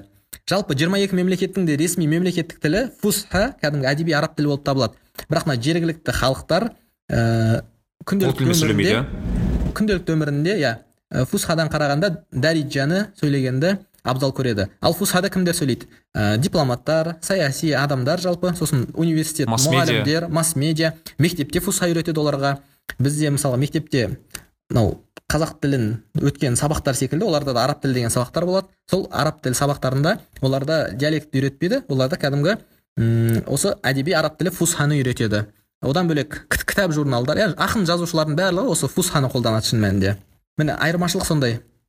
Бірақ мен мысалы мынаны білемін. Ә, мысалы мысырлықтардың еститінін м, өйткені мысалы мысырлық ә, бағанағы достарым таныстарым көп. Мхм. Айтады мысалы негізгі мынау батыс ә, батыс деп мынау? Таяу шығыс елдеріндегі басты мысалы әл жазира болсын басқа бір не болсын ол көбіне ә, масс медианы мысыр елі алған дейді да. Мысырлықтар көбінесе сол масс медиаға жауап береді. Сондықтан ә, мына ба- барлық жалпы елдердің ішінен маған енді арабтардың айтатыны ол ә, кез келген адам ол араб араб тілінің ана мысырлық диалектін түсінеді дейді да. Өйткені көбіне масс медиа сол тілде дейді да. Ол рас па? Иә оның үстіне ол ана мысырлықтардың көбірек жұмыс жасап жатқандығын білдіреді. Шын мәнінде жаңағы тура сол секілді ливиялықтар жұмыс жасайтын болса олар да мысалы араб өз әлемінде диалектін дамытатын еді иә иә? өз диалектісін сол араб әлемінің ішінде топқа шығарар еді. Алайда мысырлықтар ол орай ол осы тарапта осы мәселеде қарқынды түрде жұмыс жасап жатқандарын ғана білдіреді. Осы мысалға мысыр иә шын мәнінде мысырлық сериалдар сол өздерінің диалектісіндегі олардың атақты әншілері араб әлеміне танылып кеткен өте қатты кең етек жайып кеткен. Сол себепті көбісінің араб диалектісін әсіресе білетіндігі сол себепті деп ойлаймын. Ал ә, мына үшінші мәселе мен білгім келген сен ол. Менің еститінім а, ол мынау бағана фусха дедің ғой ол жаңағы бағанағы таза әдеби араб тілі. Иә. Ең жақын ең жақын жалпы диалект ол ә, мынау хиджаз еліндегі яғни ол сауд арабиясы болсын сол сол елдердегі жалпы диалект ол ең жақын дейді. Ол рас па? Иә. Ә, жаңағы халидж деп айтып жатырмыз ғой. Залиф аймағы шығанақ аймағы. Шығанақ аймағындағы елдер енді асылында ол ол жерлерде қолмен бөлінген мемлекеттер ғой.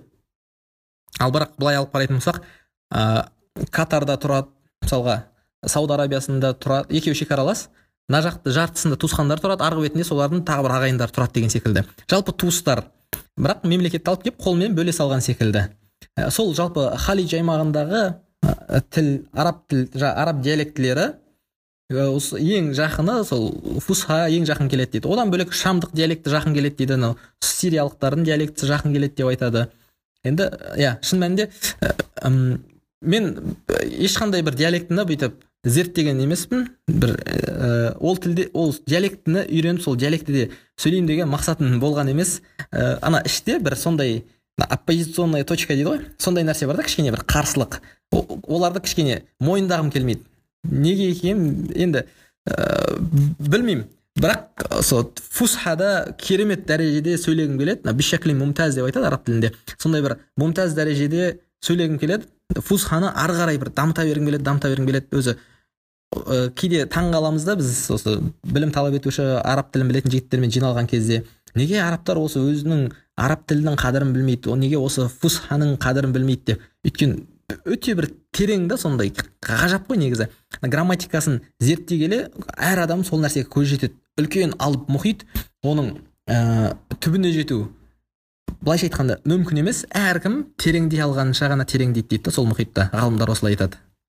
Э, бұл рас па мен мысалы бір ә, зерттеуді оқыған едім осы үйрену барысында. Ол ә, мынау сөздердің қанша бір, бір, бір тілде қанша сөз бар деген ба нені келтіреді? Яғни мысалы ағылшын тілінде ешкімде болса бір алты жүз мың ба сөз бар екен. Ну яғни уникальный дейді ғой яғни.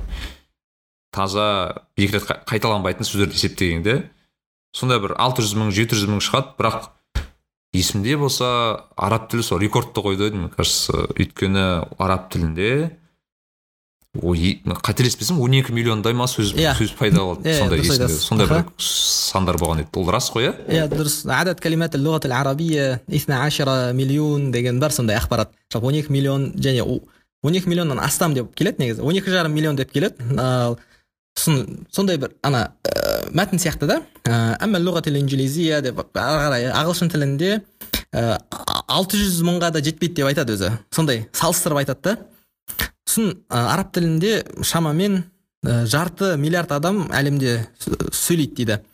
Араб тілінде. Жаңағы диалектісі бар басқасы барлығын қосқан кезде. Араб тіліне қатысты андай ғой енді. Факттар деп айтсам болады осындай бір. Бірнеше факттар бар осындай. Сосын м, сосын араб тілінің өзі құранның тілі болғандығы өзін бір ерекшелейтіні ол белгілі иә. Ә, сосын негізі ә, жалпы әлемде оңнан солға қарай жазылатын тілдер бар. Ә, сол бізде right to language бізде а, мысалы біз батыс елдерінде оны RTL languages дейді да Иә. мысалы ана right to left. From right side to left side. Сол араб тілі бар иврит тілі бар. Одан кейін енді араб графикасындағы парсы тілі араб графикасындағы урду тілі араб графикасындағы ұйғыр тілі деген секілді кете береді ары қарай. Бірақ оның барлығы негізін араб графикасынан алып отыр ғой. Бірақ кезіндегі біздің қазақтың төте жазуы деген секілді дәл өзі иә, дәл өзі. бірақ негізгі соның иегері ретінде араб тілі иә. Ә, иврит тілі оңнан солға қарай жазылса да араб тілі секілді әдемі емес дейді. Сол себепті де әл хаттул араби мин әжмәл әл фунун деп айтады да фил әлем әлемдегі осы мәдениет жазу мәдениетінің ең әдемісі деп келеді бұны жалпы еврейлердің өздері де мойындайды екен шын мәнінде яғни бұл жазу дегенде бұл каллиграфияны да келтіреді ғой иә каллиграфиясы бар иә каллиграфиясы керемет дамыған неше түрлі оның да каллиграфияның да түр түрлері бар деген сияқты ішінде М, иә жалпы осындай бір факттер бар өзі иә анау 12 миллион деген кезде ол яғни ол бір сөздің сонда көптеген синонимдер бар ғой рас дұрыс түсіндім ғой мен иә мысалы мен, Иә, мен өйткені есімде болса иә ол өйткені мен есімде бір ә, тарихи кітап оқыған ба едім сол кезде айтады мысалы кезіндегі арабтар бір сөзді құдай бір жиырма отыз түрлі вариантпен айта алатын деген секілді бір сондай сөздер айтатын еді да. Иә мысалға бірақ ол қолданбайтын шығар. Қазіргі күнге ол актуалды емес шығар бірақ сондай иә негізі. Актуалды еместері бар дұрыс айтасыз. Ә, қолданылмайтын көне жазуларда қалған сол кездегі бір тайпалардың қолжазбаларында қалған сондай қолданылмайтындар бар. Алайда жаңағы сондай тағы бұл да бір тіркелген факт сияқты. Э, э, осылай болса керек. Үш жүз э, үш жүз қырық алты деп келеді. Исман маруфан үш жүз қырық алты есім бар дейді. Бір асад яғни асад деген арыстан иә? бір арыстанның сондай үш жүз қырық алтыға жуық есімі бар деген. А арыстан деген сөзді мен үш жүз қырық алты түрлі вариантпен айта аламын иә негізі иә хамза дегені бар хамза дегенде мысалы асылы арыстан дегенді білдіреді. Одан кейін қосуара деп келеді сол секілді. Ә, арсен сен қазір ә, курс жасап жүрсің Иә. иә? Мхм. Ә, өзім қарадым енді жазылмасам да өзім сол зерттеп бүйтіп қарап қарасам өте бір ә, тұшымды сондай бір жақсы курс секілді. Өзің ә, қайтсам екен. Мысалы қазіргі курстар әртүрлі жолдармен үйретеді ғой енді. Бір бір, бір бағанағы мен айтпақшы бағана кітаптармен үйретеді бір өзің бір методикалы бір сен қалай үйретесің? Өзіңнің бір үйрету жолың бар ма? Әлде бір өзің бір ерекше тапқан бір наработкаларың бар ма деген секілді. Қалай үйретесің? Иә мысалға жалпы мысалы сол интернет әлеуметтік желідегі көп адамдардың айтатыны бар иә жаңағы ә, арнайы авторлық методика деп жатады ғой. Бірақ мен менің түсінігімде сол негізі сол адамдардың барлығы да интернет желісін ақтарады біреуден идея алады солай солай құрастырады. Ә, жалғыз адамның ғана жемісі емес деп түсінемін де. Ә, сол секілді мен де көп кітаптарды ақтарамын. Мынау тіл үйрететін араб тіліне қатысты болса араб тілін үйрететін кітаптар. Сосын ағылшын тіліне қатысты болса ағылшын тілін үйрететін кітаптар. Міндетті түрде кітаптарды ақтарамын. Андай ә, сонда ә, араб тілінің үлкен ғалымы бар ғұламасы сибауайхи деген алла рахымын алсын. Ә, сонда бір бауырым әзілдеп айтқан еді осы курсты бастап жатқан кезде. Ә, түсіңізге сибауайхи келіп бір өсиет етіп аян беріп кетті ме? Жаңадан шыққан бір методикаңыз бар ма деп. Сол айтамын да менде адамдарға әзілдеп жоқ ешқандай сибауайхи түсіме кірген жоқ. Бірақ енді осылай бастауды ниет етіп жатырмыз деп. Осы осы кезге шейін кішкене жиған тергенімізді көппенен бөлісейік деген. Ол жерде осы көпке белгілі тәсілдерді пайдалануға тырысамыз. Ол жаңағы коммуникативті тәсіл деген секілді. Ол жерде жаңағы сөйлесу хат жазысу тыңдай білу және тыңдағаныңды түсіне алу деген нәрселерге ә, акцент береміз. Одан кейін ә, тіл үйренуде және бір көп адам біле бермейтін және бір тәсіл бар да. Өзіңізді бір бір сәтке андай үйреніп жатқан тіліңіздің носителі ретінде сезінесіз. Ә, сол жақта туып өскендей бір альтернативті биография құрастырасыз өзіңізге. Ә, бұл да бір негізі қызық тәсіл. Ә, бірақ қар- қатты беріліп кетуге және болмайды. Сіз ә, өзіңіз аласыз таңдайсыз да мысалға ә, дамаск қаласында туылдым деген секілді. Өзіңізге бір атым, альтер- атым ахмад деп па? Иә атым ахмад деген секілді. Қазір тек қана араб тілінде сөйлеймін деген секілді. Осылай адам өз өзіне миына солай ақпарат беру арқылы тілді игеруін жеңілдетеді деген бұл да бір зерттеушілердің негізі ә, адамдарға ұсынатын бір тәсілі. Осы секілді бір тәсіл бар. Ал ә, сабақтың беру барысына келетін болсақ арнайы видео дәрістер жазатын жазып жатырмын. Қазірге шейін жазамын әлі. Видео дәріс жазудан шыны керек. Анау оның сценарийін құрастыру бар иә. Сосын локациясы бар одан кейін оны алып монтаждау бар. Жалпы артында біраз жұмыстар бар екен. Иә сапалы контент шығару үшін иә ол сапалы контент шығару үшін аха. Ә, сөйтіп арнайы видео дәрістер шығарамын Ә, бір видео дәрістің ұзақтығы 10 менен 15 минуттың аралығында ғана. Одан ұзақ емес.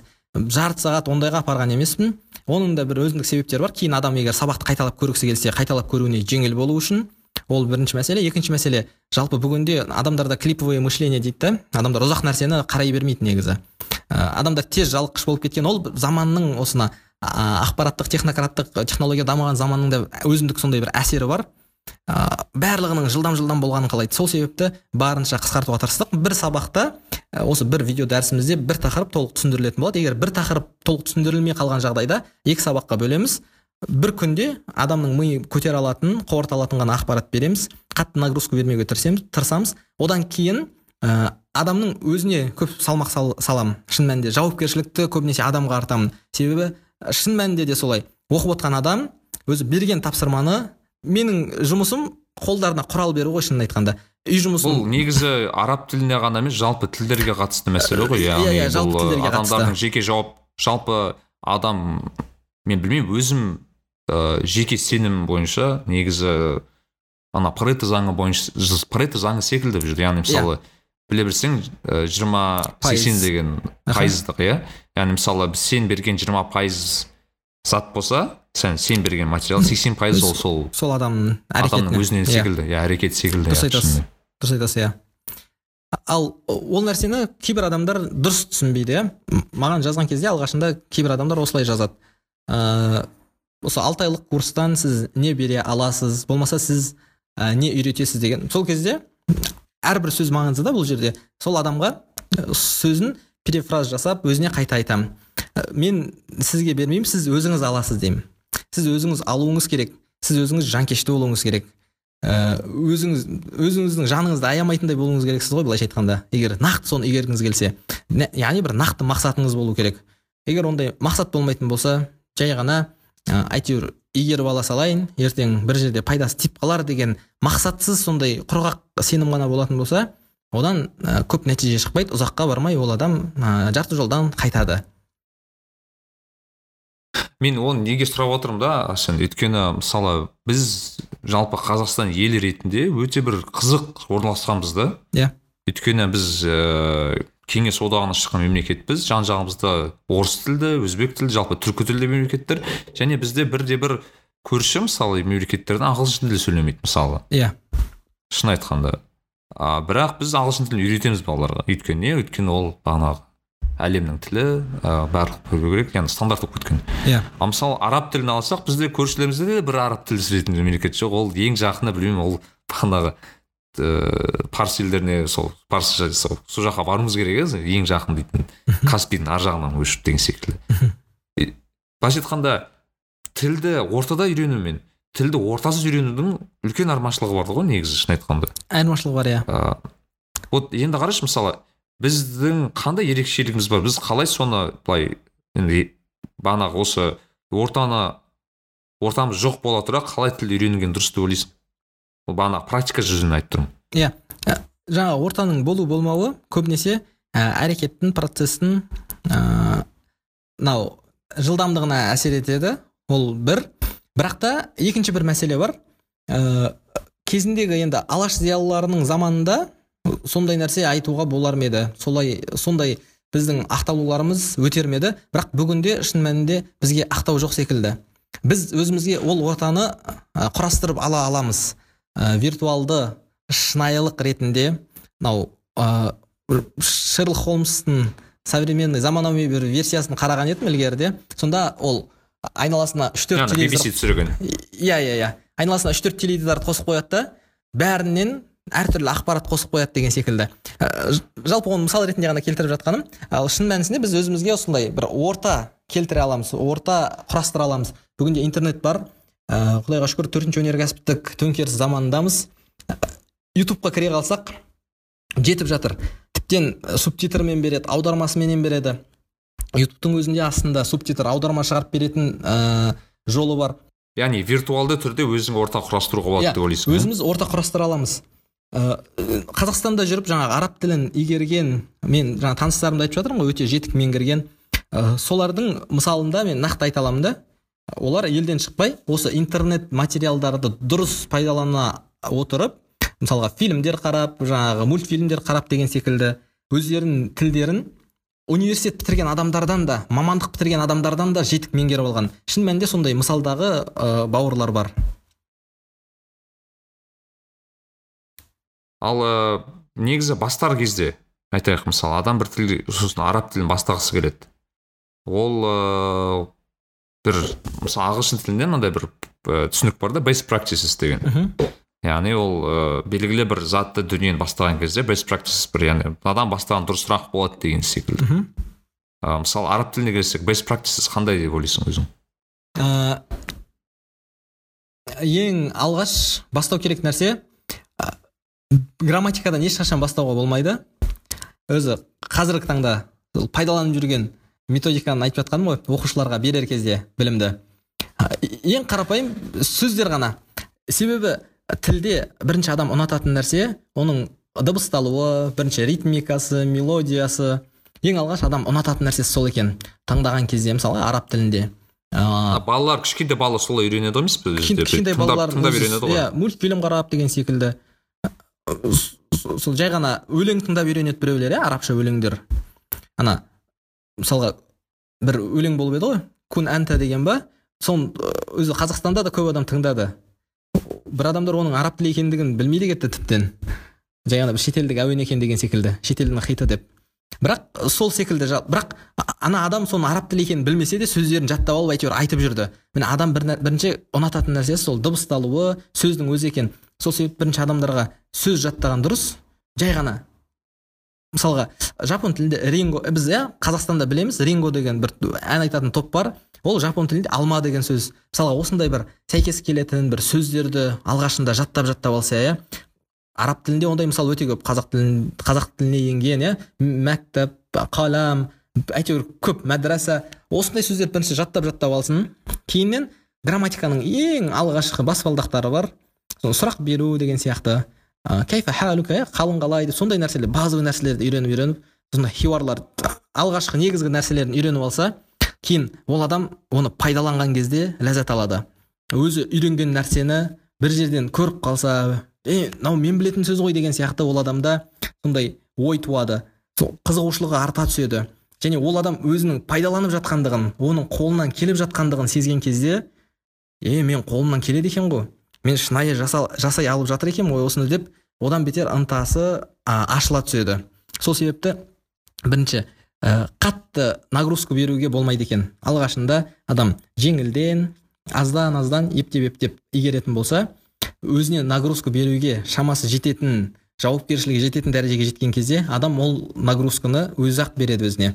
Өзім белім көтере алады ау. Болды мен нақты шешім қабылдадым. Осы ана бауырымыз жасап жатқанда мен неге жасай алмаймын деген дәрежеге жеткен кезде ол салмақты өзіне береді ол нагрузканы өзіне беретін болады міндетті түрде.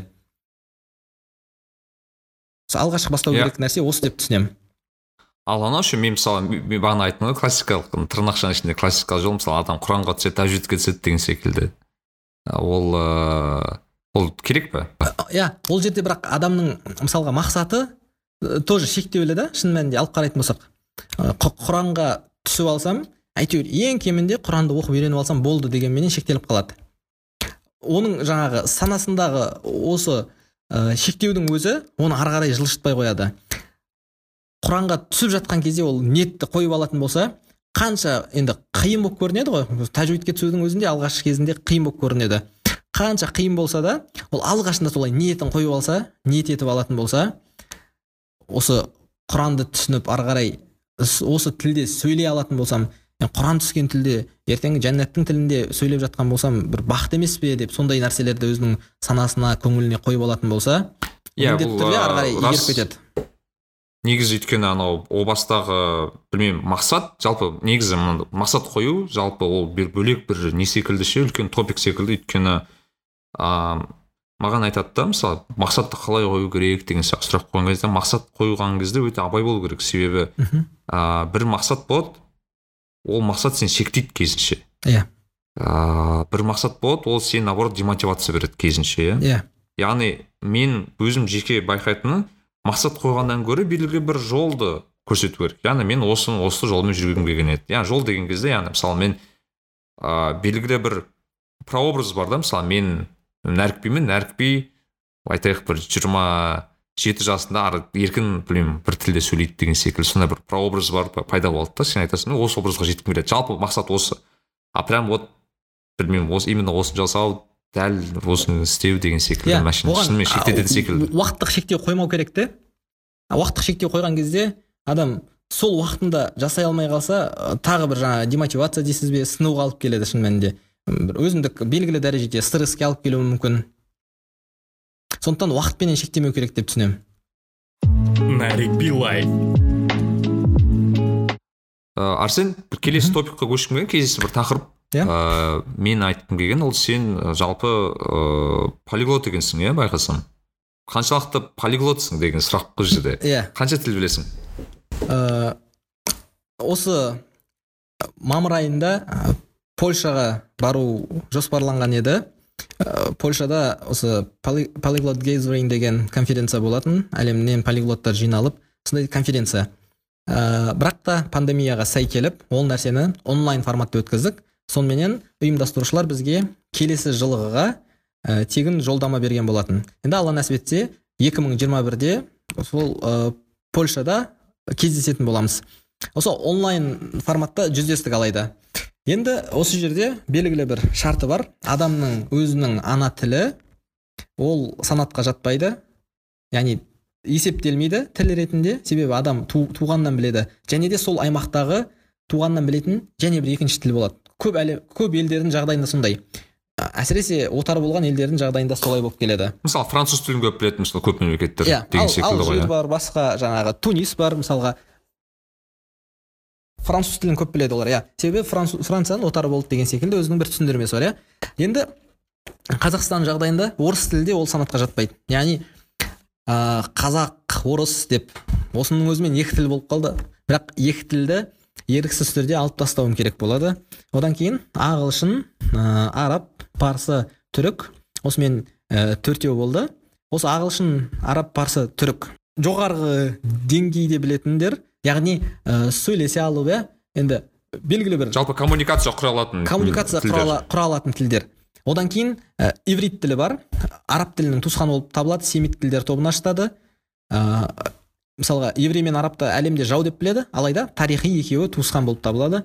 Осы иврит тілінде мұнан да жаңағы сөйлесе алу бірақ ә, а бір деңгейінде бастауыш деңгейін екінші санатында деген бегинер деген сияқты да, бигендер деген секілді аха. Иврит тілі бар. Осыменен жаңа қазақ тіліменен ыыы орыс тілін қоспағанда бес тіл болып тұр. Он, оған қоса алтыншы жапон тілі қосылды. Осы полиглот гейзеринг аясында алтыншы тіл қосылған болатын жапон тілі. Енді бірақ мен жапон тілін ә, жетік білмеймін. Тек қана мынау алғашқы ә, катакана бар хирагана бар. Соларды үйренуменен және бірқатар фразаларды білуменен ә, сосын иероглиф канзи деген бар иероглифтерін. Соларды бірақ иероглифтерді білмеймін. Соларды игерумен ғана шектелдім. Яғни жапон тілінде бір деңгей жоқ. Бірақ алтыншы ну енді жалпылама иә, жалпылама. үйренуші деген атпен атпенен үйренуші деген атпенен ә, ж- жапон тілі де қосылды осы санатқа. Соныменен алтыға жеткен болатын. Енді қазақ тілі менен орыс тілін қосқанда сол жеті тире сегіз деп айта аламыз. Иә көп көп. Ал ыыы мен кішкене өткім келген еді. Мысалы қара ыыы фарси тілі бар. Иә. Иә мысалы парсы тілі. Аха. Ол ыыы манағы тәжікстан мемлекетінде сөйлейді есімде болса ол иранда сөйлейді. Афганистанда сөйлейді афганистанда иә со- сол жалпы сол аймақта сөйлейтін мемлекеттер ғой. Иә. Мен білетін білетін болсам қазақ тілін көп ііі қазақ тілі мен парсы тілінің арасында көп нелер бар ұқсастықтар бар. Себебі мен жалпы қазақ тілінің өзі біраз сөздерді парсы тілінен алған дейді. Бірақ оның біз парсы сөзі екендігін бір тыңдағаннан ажырата алмаймыз. Яғни тілдік лингвистикалық бір қабілеті бар адам ажыратпаса ә, қатардағы кез келген адам оны ажыратып кете алмайды. Себебі дыбысталуда өте көп өзгеріске ұшыраған парсы тілінің өзін о деген секілді дыбыстар көп. Мысалға жан дейміз иә бек жан деген сөзде бек деген нағыз түркі сөзі болса жан дегеніміз парсы тілінен енген бірақ парсы тілінде ол джон деп айтылады. Сон озиз джон деген секілді. Сондай дыбыстық өзгерістер бар. Сол себептен бір қарағаннан былай ажыратып ала алмаймыз. Ә, негізі тек көршілес жатқандықтан қазуин деп айтады ма каспий теңізі болғандықтан ғана біршама араластық кезінде сақтар менен жаңағы парсылар бар иә? Ә, коммуникация көп болғандығын білеміз. Сол тарихи үдерістердің нәтижесінде ғана тілдік алмасулар болды. Алайда екеуінің құрылымы екі түрлі. Қазақ тілі түркі тілдер тобына жатады парсы тілі индоевропалық тілдер тобына жатады вот сол мен таңғалдырған сол мен индоевропалық деген кезде яғни европалық тілдердің негізінің бірі сол парсы тілі деп айтады рас қой иә Иә. иә. Аха. Себебі ә, кезінде парсылардың сол ә, афина жерлеріне шейін барғандығын білеміз иә? Аха. Оның да мысалға тарихи бір сондай ә, әсері болуы ғажап емес. Мм иә иә.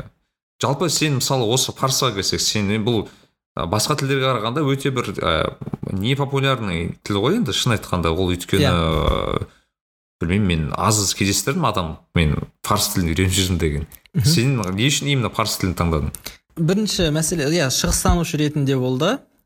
Сосын екінші ә, иран елшілігіменен ә, былай қарым қатынас бар етін университетке келіп жүретін олар. Араласып тұратынбыз. Мен парсы тілін бастамай жүрген кездің өзінде сөйтіп сол иран елшілігінің ә, мәдени атташесінің баласы біз, бізбен бірге оқитын. Бірақ ол халықаралық қатынастарда ә, жаңағы ә, жаңағы шет тілдер факультетінде ме оқитын мамандығы өзге еді әйтеуір. Бірақ университет қабырғасында көрісіп жүретінбіз бірге араласып жүретінбіз.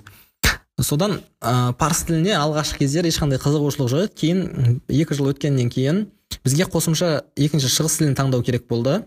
Сол кезде мен бірдестен парсы тілін таңдаймын деп айттым және қасымдағы группадағы өзге қыздарды да соған үгіттеген болатын насихаттап сендер қазір жапон тілін таңдап алып қайда бармақшысыңдар деген. Болмаса қытай тілін таңдап алып бір, бір семестрде болмаса екі семестр қытай тілін игеріп шығамын деп ойлайсыңдар одан да болатын іс қылайық деген секілді.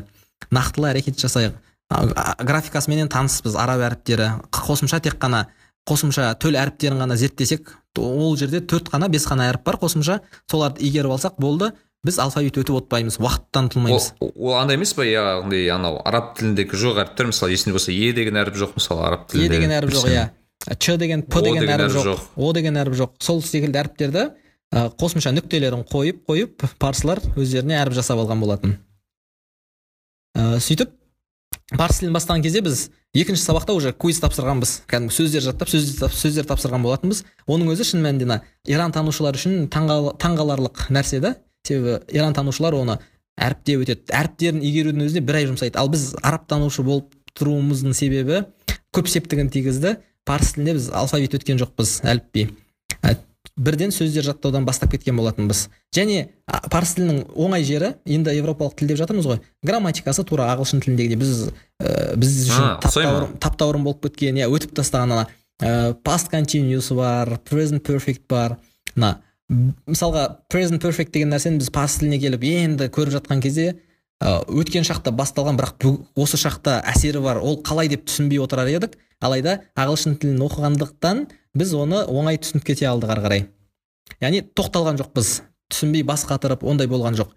Сосын ә, тек қиын жері сол произношениесін келтіру болды. Алайда ол нәрсеменен жұмыс жасай отырып сосын елшіліктердің кездесулеріне көп баратынбыз. Ыыы студент болсақ та сол әйтеуір елшілер шақыратын. Себебі астана қаласында университетте оқытатын жалғыз біздің ғана университет болғаннан кейін оларда енді өздерінің саяси мүдделері бар ғой. ә, парсы тілін мәдениетін тарату деген секілді. Сол себепті көп шақыратынбыз елшіліктерге баратынбыз. Практика жасайтын платформа өте көп болды біз үшін. Және өзім ә, ұнатамын иә. ол да маңызды деп ойлаймын. Иә бұл ыыы ең болмағанда мысалы мен қызық айтамын да мысалы жапон тілін үйренетін адамға мысалы жапон тілінде жалғыз мемлекет қой. Мысалы жапон тілінде сөйлейтін Иә. жапоннан басқа жапон ешкім сөйлемейді. А фарсиде ең болмағанда бір бір төрт бес мемлекет сөйлейді ау. Иә. Ә, сен келесі тіл түрік тілі дедің. Иә ол түрік тілімен оңайырақ болған шығар деп ойлаймын иә саған. Иә түрі. түрік тілі өте жақын болғандықтан оның үстіне ә, түркітанушылар маңымызда өзім туысқаным бар еді түркітанушы а, түркітанушылармен бірге тұрдық деп жатырмыз иә. Ә, алайда сол бірінші курста түрік тілін біреудің аузынан естіген кезде мен үшін өте бір таңғаларлықтай естілген еді таңғажайып сөйлеп жатыр. Мә қалай бұндай деңгейге жетіп алды екен деп.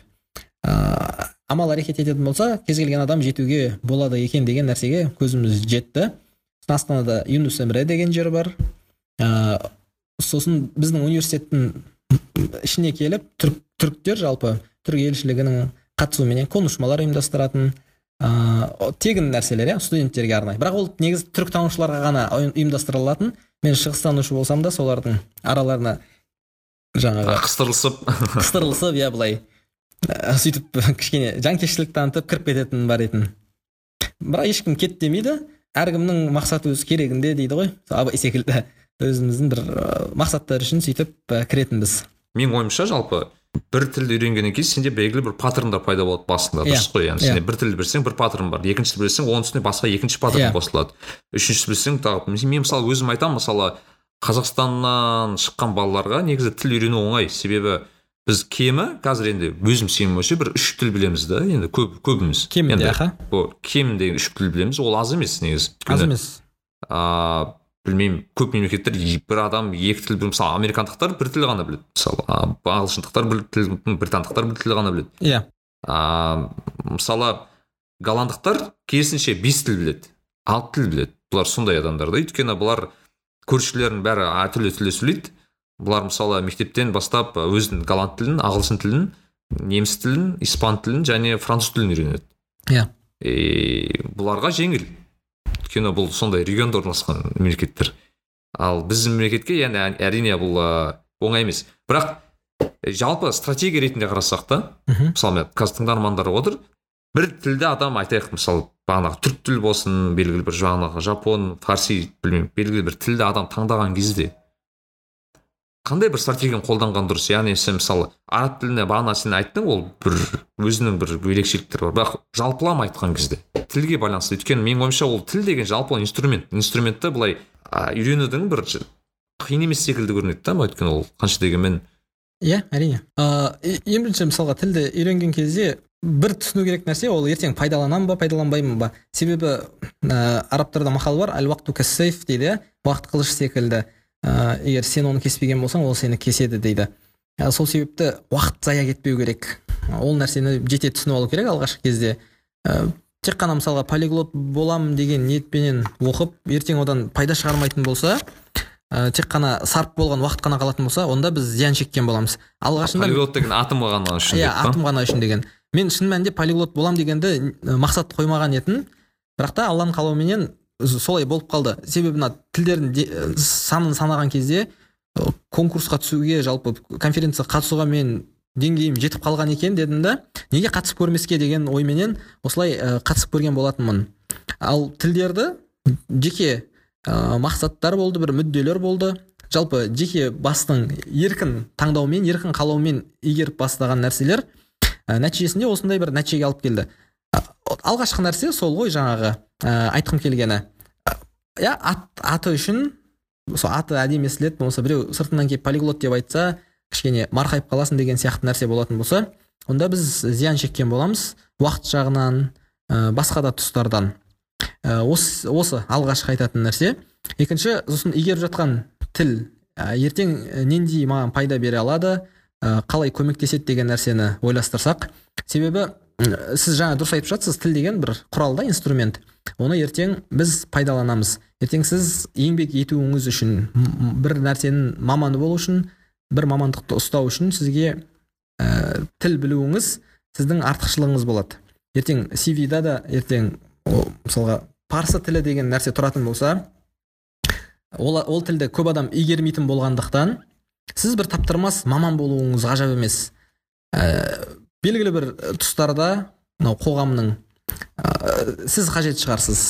Сол яғни бұл андай дейді ғой конкурентное преимущество ғой енді шын Иә. айтқанда ол. Конкурентная способность и востребованность десек те болады. Жаңағы сұранысқа ие бола білу сұранысқа сұранысқа ие бола алу десек. Ә, сондай қазақстан жағдайында біз қазақстанда тұрғандықтан қазақстан жағдайында есептеп өлшегенде дұрыс. Себебі мысалға өлген латынь тілін зерттеп бізге біздің жағдайда аса бір перспективасы жоқ секілді.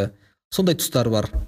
Ертең қандай мемлекетпен тығыз қарым қатынас жасап жатырсың сол елменен қандай нәрсе жасай аласың деген саяси бір есептер де болған дұрыс секілді. Ертең жұмыссыз қалып кетпеймін бе? Осындай комплекс ә, білімменен осындай жалпы бэкграундпенен ертең ә, жұмыссыз қалып кетпеймін бе деген жақтарын да есептеген дұрыс актуалды емес затты үйреніп алсаң сол сондай секілді. Жалпы осы алғашқы кезде мысалы есепке алу керек ойлану керек нәрселер осы секілді.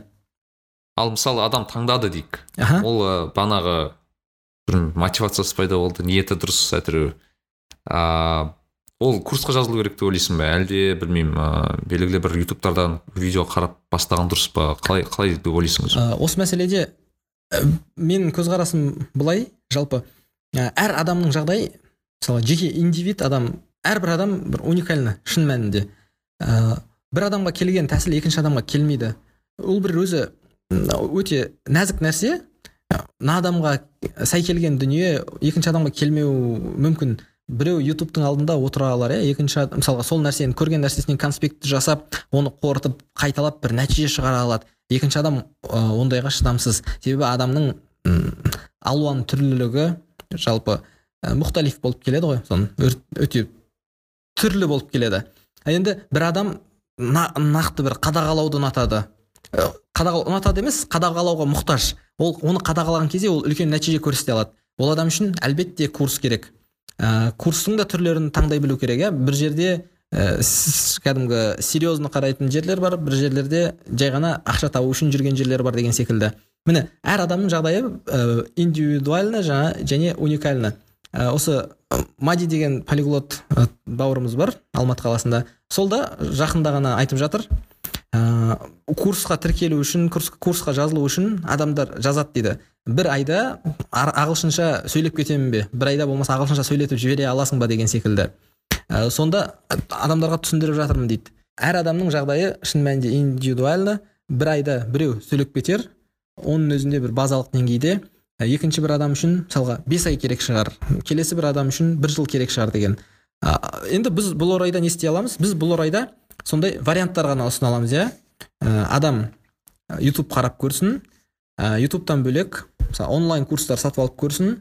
Онлайн курстан я ноутбуктың компьютердің алдында жалпы гаджетпен жұмыс жасағанды ұнатпайтын болса одан тез шаршайтын болса ә, офлайн түрде көзбе көз отырып сонда әсерлі сонда білім бойына сіңімді болатын болса онда офлайн түрде мұғалім тауып жеке репетиторға барсын. Егер оған конкуренция керек болса групповой жаңағы топтарға қатыссын деген варианттар ғана ұсына аламыз ол жағдайда. Бірақ менің ойымша қазір сен мысалы онлайн курсты аштың қазір жалпы ковидтан кейін онлайн платформалар дамудың қарқыны өте өс- қарқынды дамып отыр енді былайша айтқанда.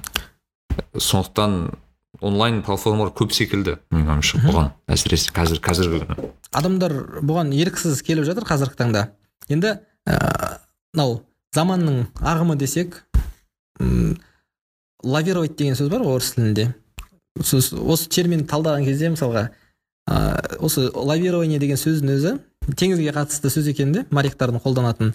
Қатты толқындар болған кезде ана желкенді қайықпенен желкендерін тартып мына толқындардың арасында былай былай лавировать етеді екен. Сол өмір ағысында да солай ә, лавировать етіп дұрыс жолды тауып ә, бейім бейімделе білу керек.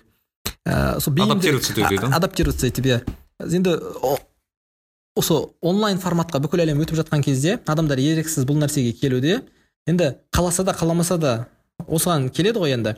Біздің міндет осыншама көп жаңағы онлайн мектептердің арасында барынша үздік болуға тырысу иә. Өз ісінің шебері болуға тырысу. Барынша тиянақты тұшымды жеткілікті түрде ақпаратты бере білетін болсақ адамдар онлайн базарға келіп өздеріне қажеттісін таңдай алатындай болу керек деген ойды ұстансақ керек. Нарик билай. Керемет. Ыыы арсен енді мен және жалпы сен кәсібіңе келетін болсам сен қазір университет бітірдің дипломың қолыңда бірнеше көптеген тілдерді білесің полиглотсың өзің қандай келесі қадамдар ыыы жасаған келеді енді? Қандай керек келіп ойда мақсаттар бар? Немесе бір ойда түйген бір дүниелерің бар шығар проекттерің бар шығар деген секілді. Қандай ойда жүрсің қазір? Иә ә, ана жеке жеке нақты нәрселерді айтпай ақ қояйын иә? Былай жалпылама айтайын. Негізгі мүдде деген секілді ме? Қазір сайтымызды қостық іске. Осы шади courses деп аталатын. Алдын телеграм платформасында беріп жүрдік сабақ. Мысалға жарнамасын береміз топқа адамдар жиналады сөйтіп барлығын топтастырып телеграмда канал ашып сол каналда сабақ өтетінбіз. Видео дәрісті жіберіп артынан pdf формат сөйтіп ә, кері байланыс жасап солай оқушылармен жұмыс жасап жүрдік. Әлі де олай жасаудамыз. Енді ә, сайтымызды да қосып жатырмыз параллельді түрде. Алдағы уақытта түбегейлі сайтқа өткіземіз оқушылардың барлығын. Сөйтіп сайтпенен жұмыс жасаймыз. Сайттың ыңғайлы жерлері өте көп. Ә, мүмкіндігіңіз болған кезде үш w нүкте шади тире courses нүкте kz деген сайтқа кіріп қарасаңыз сол жерде ә, біз жайлы мәлімет деген сол кішкене бэкграунд жаздық ре- резюме секілді. Шетелдік тәжірибесі дегенді қостық сосын жетістіктері дегенді қостық себебі білім алушы адам кімнен білім алып жатқандығын білу керек деген ойда сол өзіміз туралы ақпарат беруді жөн көрдік. Жалпы шади әрсен кім маман ретінде кім деген туралы кішкене болса сол жерден ақпарат алуға болады. Жалпы тыңдармандарға бәлки қызық болар деген ойменен айтып жатқанымыз. Ә, сөйтіп бұл сайтты барынша қазақ тілінде жасап жатырмыз. Ә, батырмаларына шейін тіркелу ана запомнить меня дегенді мені есте сақтау деп кәдімгі қазақша жасауға тырысып жатырмыз. Ол жерде алдағы уақытта араб тілінде ана қазақшаға субтитрмен аударылған мультфильмдер қосамыз тегін мақалалар қосамыз. Мысалға өзіміз студент кезде есімізде ә, гуглға материал жазатынбыз. Қазақ тілінде материал табу өте қиын етін. Жалпы араб тіліне қатысты иә? Біздің өзіміздің салаға мамандыққа қатысты. Көбінесе орысша табатынбыз сөйтіп орысшадан қазақшаға аударатынбыз. Ол көп мамандықтарда солай. Инженерия болсын иә? Ә, контент орысша бар. Орысшаның өзі көп жағдайда ағылшын тілінен аударылады. Біз ағылшын тілін игеру арқылы негізгі источниктің өзіне жүгіне алатын жағдайға жеттік. Енді сол секілді мынау қазақ тілді қауым ә, қазақ тілді мәліметке қазақ тілі ақпаратқа қолы жеткілікті болу үшін осы сайтты қаза- барынша қазақша жасап жатырмыз. Себебі ең бірінші біздің мүддеміз осы елдің азаматы болғандықтан осы тілдің сөйлеушісі болғандықтан біздің жанымызды ашып біз еңбек етпесек басқа ешкім жасамайды. Осыған тапқан табысымызды құйып кәдімгі программист адамдарға ә, сайтты жасатып одан бөлек жаңағы технический жақтары бар оның жаңағы хакерлерден взломнан қорғау жағы бар. Ә, сосын ә, видео платформа сапалы болу үшін вимодан арнайы орын сатып алдық. Осы нәрселерді қарастырып барынша жан жақты жұмыс жасаудамыз. Қазір енді сайт іске қосылды. Ә, адамдар ептеп ептеп кіріп жатыр. Қазірдің өзінде ә, бірнеше адам бір он шақты адам жазып жаңағы сабақтарға тіркеліп жатыр. Араб тілінен бірінші топ бірінші деңгейді ғана аштық қолданысқа бердік. Міне ең бірінші түбіндегі мақсат мүдде осы халыққа пайдалы бір нәрсе жасау. Пайдалы, пайдалы бір нәрсе қалдырсақ деген. Негізі осы бір нәрсе ертең біз дүниеден өтіп кеткеннен кейін де бір мұра іспетті қалады.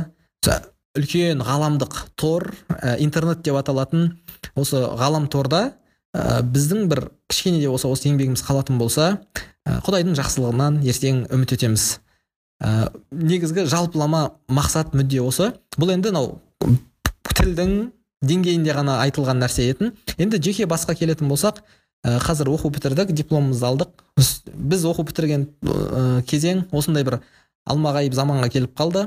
Ә, мысалы бізде вручение де болған жоқ жаңағындай. Ә, ресми түрде ректордың қолынан ондай бір сезінген де жоқпыз. Бірақ ондай бір қайғыру да жоқ. Болар іс болды. Ә, бірақ енді ары қарай әрекет етуді тоқтатпау ә, төртінші курсты бітірмей жатып жаңағы этноспорт қауымдастығына жұмысқа шақырды. Ә, келісімді беріп сол кісілерменен бірге істес болуға рахат жасыбай ағамыздың иә жас рахат жақсыбай ағамыз аха. Ә, атқарушы директорымыз сол кісімен бірге жұмыс жасаймыз. Сөйтіп сол кісілердің жанына кірген болатынбыз.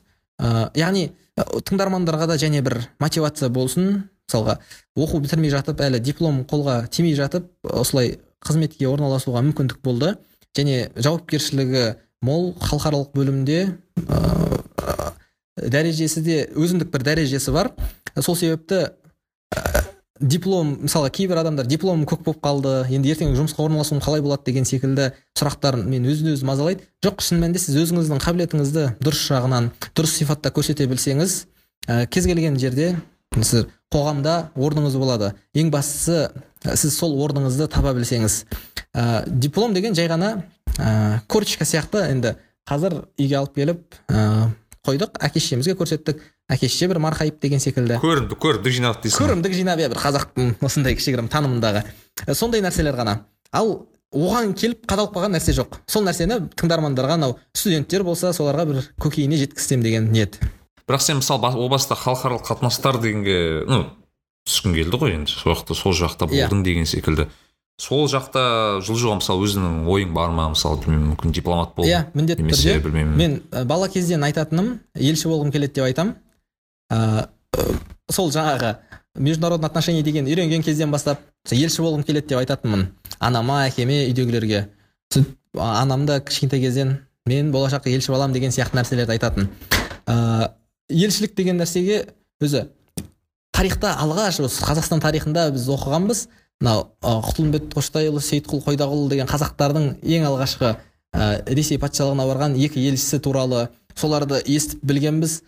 Елшілік деген нәрсе бір екі елдің арасын жарастыратын бір үлкен көпір сияқты болғандықтан ә, сол нәрсеге бала кезден қызығатын шын мәнінде.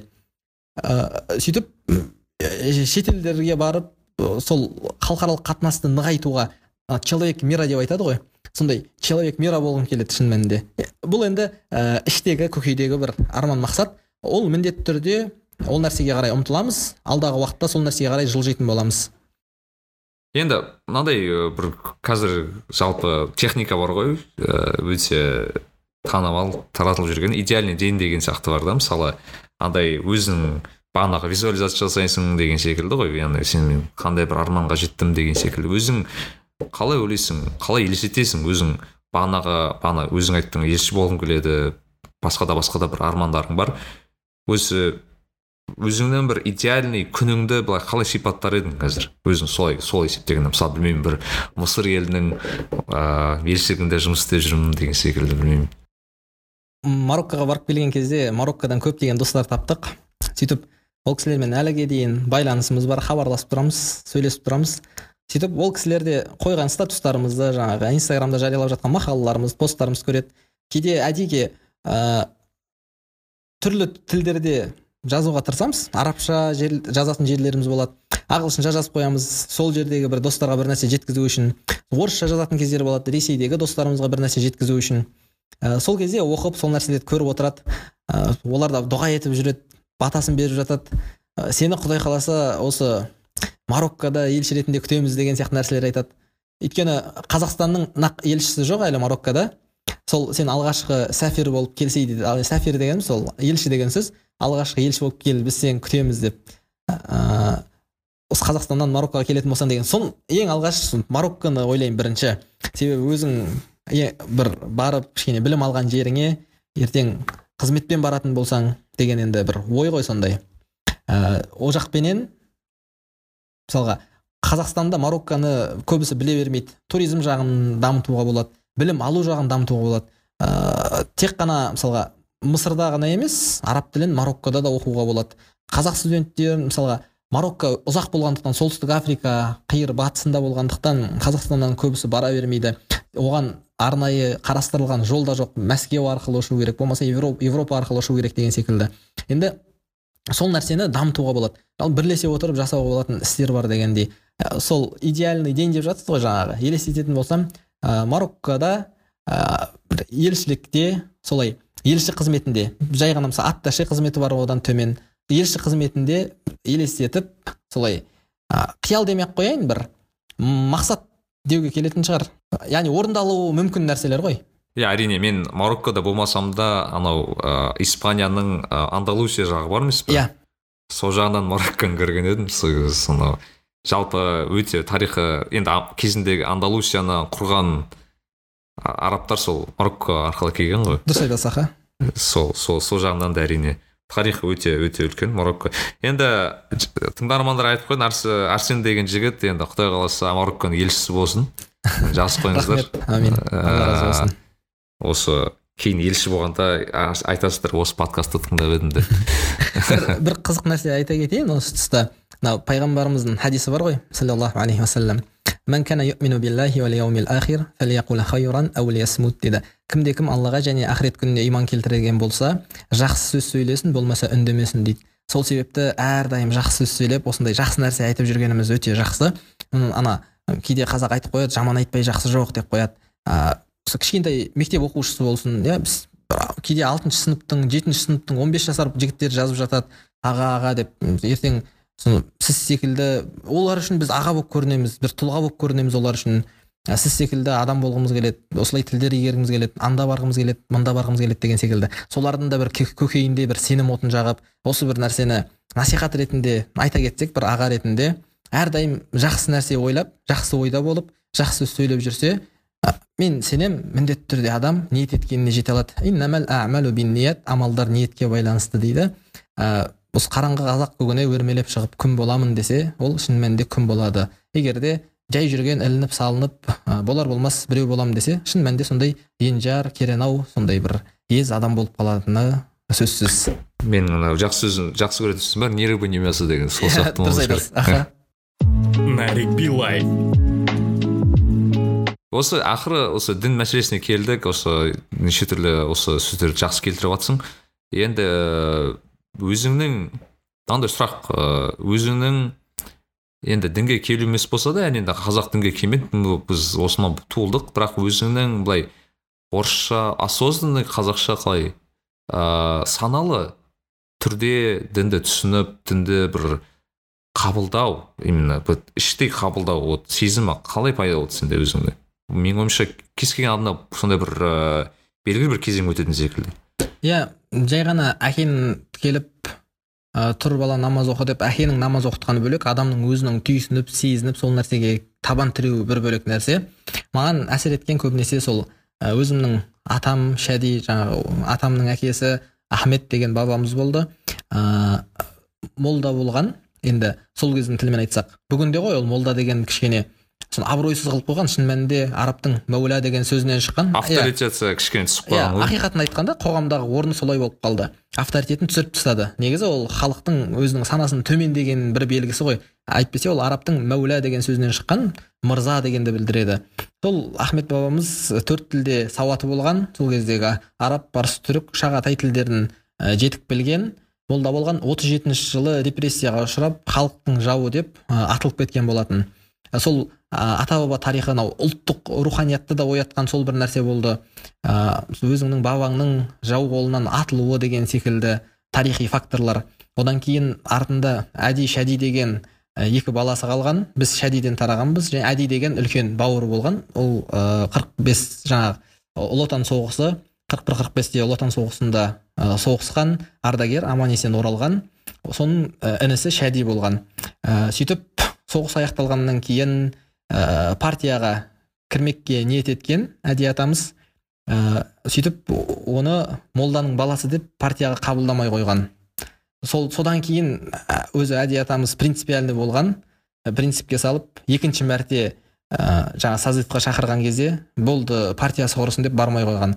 Ал атамыз болса біздің шәди атамыз ол кісі ә, партия қызметкері болған партияда қызмет еткен бірақ сонымен қатар жүре тұра ол дінін ешқашан тастаған емес арабша сауаты болған. Ә, осы оңтүстікте шымкентте осы әбсаттар сманов ұстаздардың уағыздарынан егер естіген болсаңыздар шүкірла деген имам болған. Ә, сол шүкірла деген имамнан менің әкем сол қызыл жугули деп айтып отырады. Сол қызыл жугулименен барып түнде түн ауғанда барлығы ұйықтаған кезде осы шымкенттегі жүз он екінші квартал деген жерде ә, атамызды қызыл жигулименен сол шүкірлә имамның үйіне алып барады екен. Сөйтіп бір жарым сағат екі сағат есіктің алдында күтіп тұрады да атамыз іштен дәріс оқып шығады. Түн ауған сәтте. Ешкім көрмесін деп. Себебі партия қызметкері ғой ертең қызметтен босап қалады деген тұстары бар. Сөйтіп ә, намазыңыз қабыл болсын деген кітап жазып шыққан шәди атамыз. Ә, атамыз дүниядан озған кезде де екі мыңыншы жылы сол шүкірлә имам келіп жаназасын оқыған жаназасын шығарған. Ә, сондай бір ә, бар. Енді ата баба тарихы да ерекше әсер етті. Ә, атамыз жаңа айтып жатырмын ғой алғаш бастаған кезде алпыс жетіде сол диссертация қорғаған өзі дінменен қатар білімді алып жүрген елге қызметті қатар алып жүрген. Сол ә, ата жолы дейтін болсақ егер баба жолы дейтін болсақ осылай баба жолы дер едік. Енді өздігімнен бір ә, біреу мысалға әкем келіп иә ә, ей бала тұр намаз оқы деп ұрып жыққан жоқ. Өз ниетімізбенен келдік жүректің қалауыменен келдік. Осы бір құдай бір кезеңде өміріміздің жүрегімізді ашты көкейімізді ашып осы көкейімізге осы нәрсені салды осы нәрсені орнатты.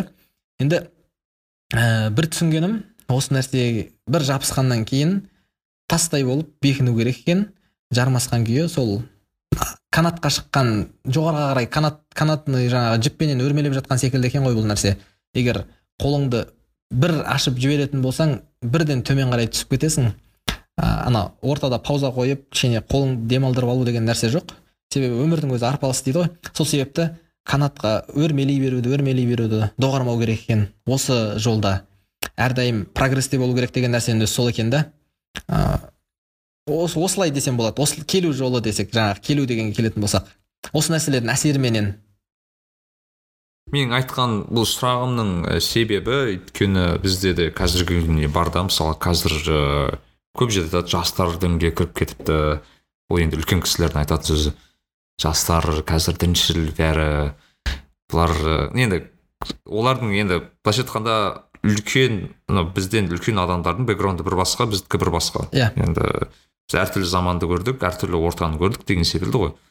А бірақ мен өзім байқағаным ә, мысалы менің дінге келгенімді ә, туысқандар болсын бір үлкен кісілер болсын біртүрлі қабылдады. Иә. Yeah. өйткені оларға қиын да мысалы ә, айтайық бір 18 19 жасар баланың саналы түрде дінді былай насихаттап жүргені немесе осыны дінді ұстанып жүргені кәдімгідей оларға былай өздерінің анау картина мира дейді ғой бұзады. Себебі не? Иә. Себебі олардың көргені бір басқа. Өйткені ол кезде совет заманын көрді. Бала діннің осылай подпольный болып жүргенін көрді былайша айтқанда. Иә. Ыыы тек сол ата апа болған кезде ғана намаз оқимыз деген сондай ұстаным келген адамдарды бізді қазір жастарды көрсе сондай бір ерекше бір біртүрлі болып қалады. Ыыы бірақ бұл ұстанымды менің ойымша сол біз біз сияқты сен сияқты азаматтар бұзатын секілді. Өйткені ыыы бірақ білмеймін мысалы ойланып қарашы ыыы дін деген ол бір қылыш секілді зат расын айтқанда. Пышақ секілді зат. Не өйткені сен ол затты дұрыс қолдана аласың бірақ адамды кесіп, кесіп те ала аласың дұрыс па? Өйткені сен дұрыс насихаттамасаң дұрыс ыыы мағлұматты ала алмасаң ә, бір қасіреті бар оның өзіңде яғни. Сен айтып тұрсың бағанағы сирия сирияға кетіп қалған қазақтар бар бізде бағанағы. Сен айтпақшы ә, деген секілді. Бірақ өзің қалай ойлайсың? Адам қазіргі мұсылман жастарына сен қазір енді бір жарқын соның өзінің представительсің ғой былайша айтқанда. Қазіргі мұсылман жастарының қандай бір қасиет керек дейсің осы бағанағы бізде? Қоғам алдында біздің біз нені бұза алатын белгілі бір устойлар дейді ғой.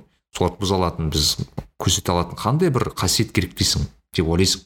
Осы қасиет деген сөзді дұрыс айттыңыз. Егер қазақта айтады ғой өзі дінді ұстай алсаң қасиетің ұстай алмасаң қасіретің деген сол секілді екі ара жігін және бір м білген дұрыс секілді. Мынау қазақта өзі ортаңғы жол деген нәрсе бар ғой золотая середина. Сол ортаңғы жолмен жүрген дұрыс деп ойлаймын да. Әрдайым діни рухани даму үстінде болып бірақ та ол нәрсені насихат еткен кезде насихаттың жолы бар. Насихат деген жай ғана жаттап алған оқып алған нәрсені келіп былдырлатып айта беру ғана емес иә? Оның м санаға салып ой елегінен өткізіп мына адамға былай айтсам болады мына адамға айтқан өтпейді бұған іс әрекетпен көрсеткен жөн болады деп сол нәрсені саралай білу. Енді ол оған жету үшін не керек? А, мықты аналитик болу керек. Егер осы дінге шынайы жанашыр адам болса дінді шынайы ойлайтын адам болса осы дінді насихаттағысы келетін адам болса ол бірінші аналитик болу керек. Аналитик болу үшін не істеу керек? Ол білімін арттыру керек. Яғни айналып келгенде білімін арттыруға білімін арттыра отырып сол ә, білім арқылы қабілеттерін шыңдауға ә, табан тіреп отырмыз. Біз сол нәрсеге мұқтажбыз бүгінде. Себебі ә, дінді насихаттаймын деп жүріп өзіміз байқаусызда ә, дінді құрдымға жіберіп алуымыз ғажап емес елдің жағдайында. Енді әлбетте бұл дін алланың діні болғандықтан аллах тағала оны қорғаушы. Бірақ та ә, біз де сыналудамыз ғой. Сен осы дін үшін не жасай аласың осы дінді тарату жолында бір еңбек сіңіре аласың ба деген секілді. Біз де бір сынақ алаңында жүрміз. Ә, сол сынақ алаңында жаңағы артық қылам деп жүріп ә, тыртық қылып алуымыз ғажап емес.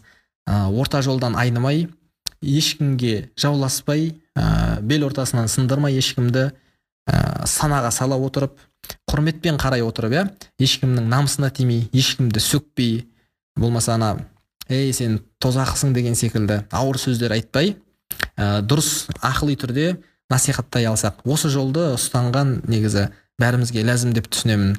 Егер дінге шынайы жаны ашыған азамат болса ә, білім жинасын егер сен адамның жүрегінде бір отты жаға білсең жалынды тұтандыра білсең ол адам өзі ақ келіп сенің алдыңа маған біліміңді берші деп отырады. Сен сол кезде жаңағы ғылыми ә, терең терминологиялық нәрселеріңді үйретсең болады. Оған дейін ә, кіргізбей жатып бірінші бетін дәмін татқызбай жатып ауыр нәрсеменен адамды қинауға болмайды. Сондықтан да пайғамбарымыздың айтқан сөзі бар саллаллаху алейхи уассалам яссиру дейді. Жеңілдетіңдер ауырлатпаңдар қуантыңдар қайғыртпаңдар дейді да адамды. Яғни жеңіл түрде ұсына білу керек. Жеңіл дегенде салмағы жөнінен жеңіл емес. Бұл әлбетте салмағы жөнінен өте ауыр өте құнды сондай. Бірақ мынау жеткізу соның дәмін татқызу нәрсе мәселесінде айтып жатқаным ғой. Жалпы ұстанатын позициям ә, принципім осы десем болады.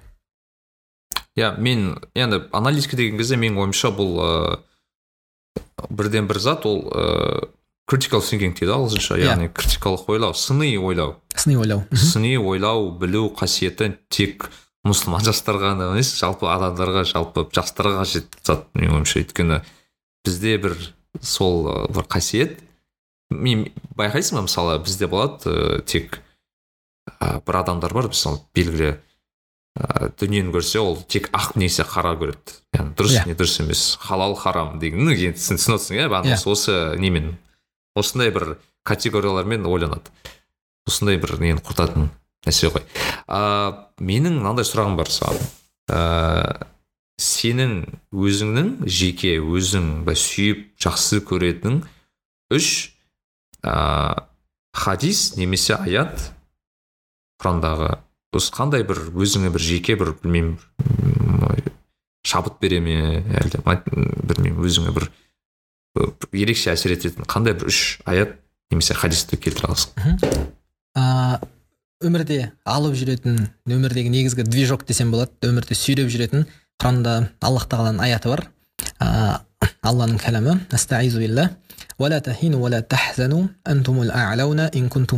Дейді. Сендер қайғырмаңдар әрі мұңаймаңдар. Сендер бәрінен жоғарысыңдар егер иман келтірген болсаңдар дейді. Яғни ә, егер деп шарт қояды да иман келтірген болсаңдар. Ә, яғни мотивация іздеген адамға осы мотивация ретінде жеткілікті деп түсінемін. Ә, бұл құрандағы аят етін. Енді ә, және бір мынау өмірде салың суға кетіп өзіңді таппай қалатын кездер болады. Ол адам болғаннан кейін бәрінің басынан өтеді. Бірақ сол кезде ә, адам тұра алады ма тұра алмайды ма? Ол да мәселе. Біреу қайтадан ә, құлап келіп есін жинап қайтадан тұра алады біреу болса сол жатқан жерінен тұру, тұруға қауқарсыз болып қалады. Өйткені оның ә, көкейінде қайтадан алып тұрғызатын күш қуат жоқ біз күш қуатты қайдан аламыз? Біз алланың айтқанынан аламыз. Және екінші бір аятта аллах тағала айтады алланы ойлауменен жүректер тыныштық табады.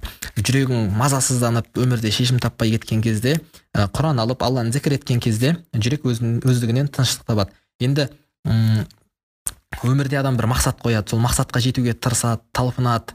Ә, бір уақытта ә, қатты қиналып кететін кездер болған кезде өзі мынау өмір не болып кетті? деген ойларға салынуы мүмкін адам. Сол кезде аллах тағаланың және бір аяты келеді. Ә. Ә, өлімді де өмірді де жаратқан аллах тағала сендердің қайсысы бірің жақсылық істе жарысады екенсіңдер деп ә, сынау үшін соны жаратты дейді. Яғни өмірдің сынақ екендігін айтып жатыр. Сосын осы арқылы адамның мақсатын айқын- айқындап беріп тұр. Жақсылық жолында жарысу деген. Енді бұны ә, егер мысалға inbox thinking дейді ғой. Сол тар ойлайтын болсақ тар қапаста ғана ойлайтын болсақ ә, жақсылық жолында жарысу деген адам ә, саяз түсінуі мүмкін.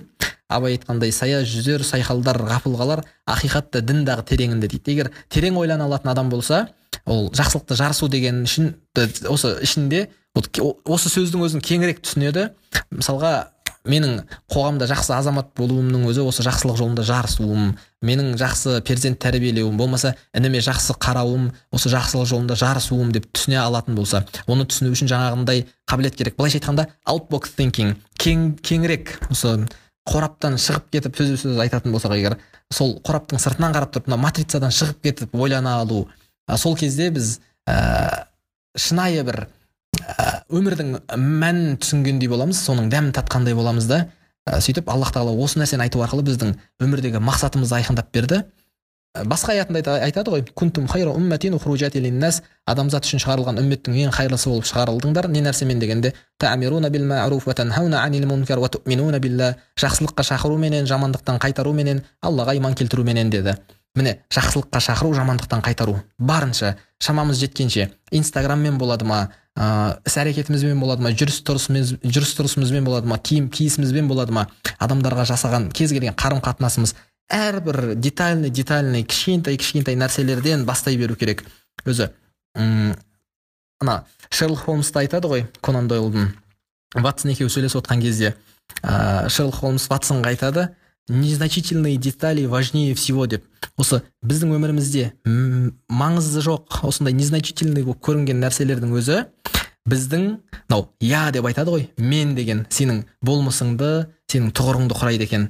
Ә, сондықтан ә, жай ғана кафеге барған кезде ә, адамның ә, даяршыменен сөйлесуінің өзі оның қандай адам екендігін көрсетіп қояды.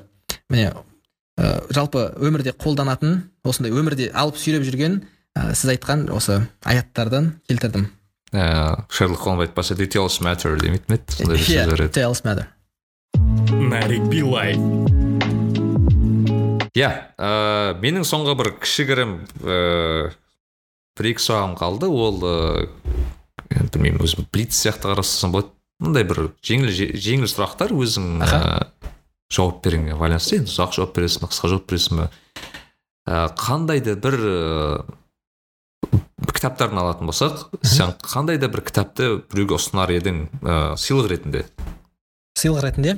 Ә, блиц сияқты болсын да. Ә, ең бірінші құранды ұсынар едім екінші пайғамбарымыздың өмір жолын сирасын ұсынар едім Қан- қандай қандай сериясы көп қой сериалдар ә, өзім оқыған негізі кішкентай бала кезде оқыған ә, енді сол қайрат жоқ фетхулла гүлендікін оқығанбыз енді. Ол кезде көкжиек баспасы қазақстанда кең таралған еді. Енді кейіннен ғой ол кісінің жаңағы тыйым салғандығы.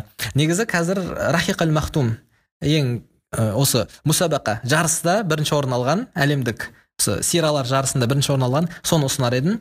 Өйткені кеңінен аты қандай? Рахиқ әл махтум рахиқ әл махтум деп айтылады. қазақ қазақша аты жоқ па оның? Немесе ол тек араб тіліндегі кітап па? жоқ арабша осылай аталады ә, жизнь описание пророка деп. Орысшаға тәржімасы бар. Қазір оны қазақшаға да аударды. Бірақ қазақшасында да осылай рахиқ әл махтум деп келеді. Сафия рахман әл мубарак фури авторы ар рахиқ әл махтум жизнь пророка а мубарак фури мубарак фури иә иә иә бұл ең сондай иә иә мен де оқығанмын ол кітапты иә керемет кітаптардың бірі. Мхм. Осы ә, мұсабақ әлемдік жарыста бірінші орын алған осыны көп мақтайды. Үшінші кітап қандай енді? Үшінші кітап мен өзім бала кезден шыны керек. Осы артур конан дойлдың шерлок холмсын жақсы көріп көп оқыдым. Ә, бүкіл шығармаларын орыс тілінде оқып шықтым сосын ағылшын тілінде оқып шықтым. Өзім жақсы көремін. Себебі мына ә, дедукцияны дамытуға өзі бір ә, кішкентай нәрселерге деталь нәрселерге мән беруге үйреткен бірден бір ә, еңбек деп білемін. Сол себепті артур конан дойлдың шерлок холмстың қандай да болсын бөлімін ұсынар едім.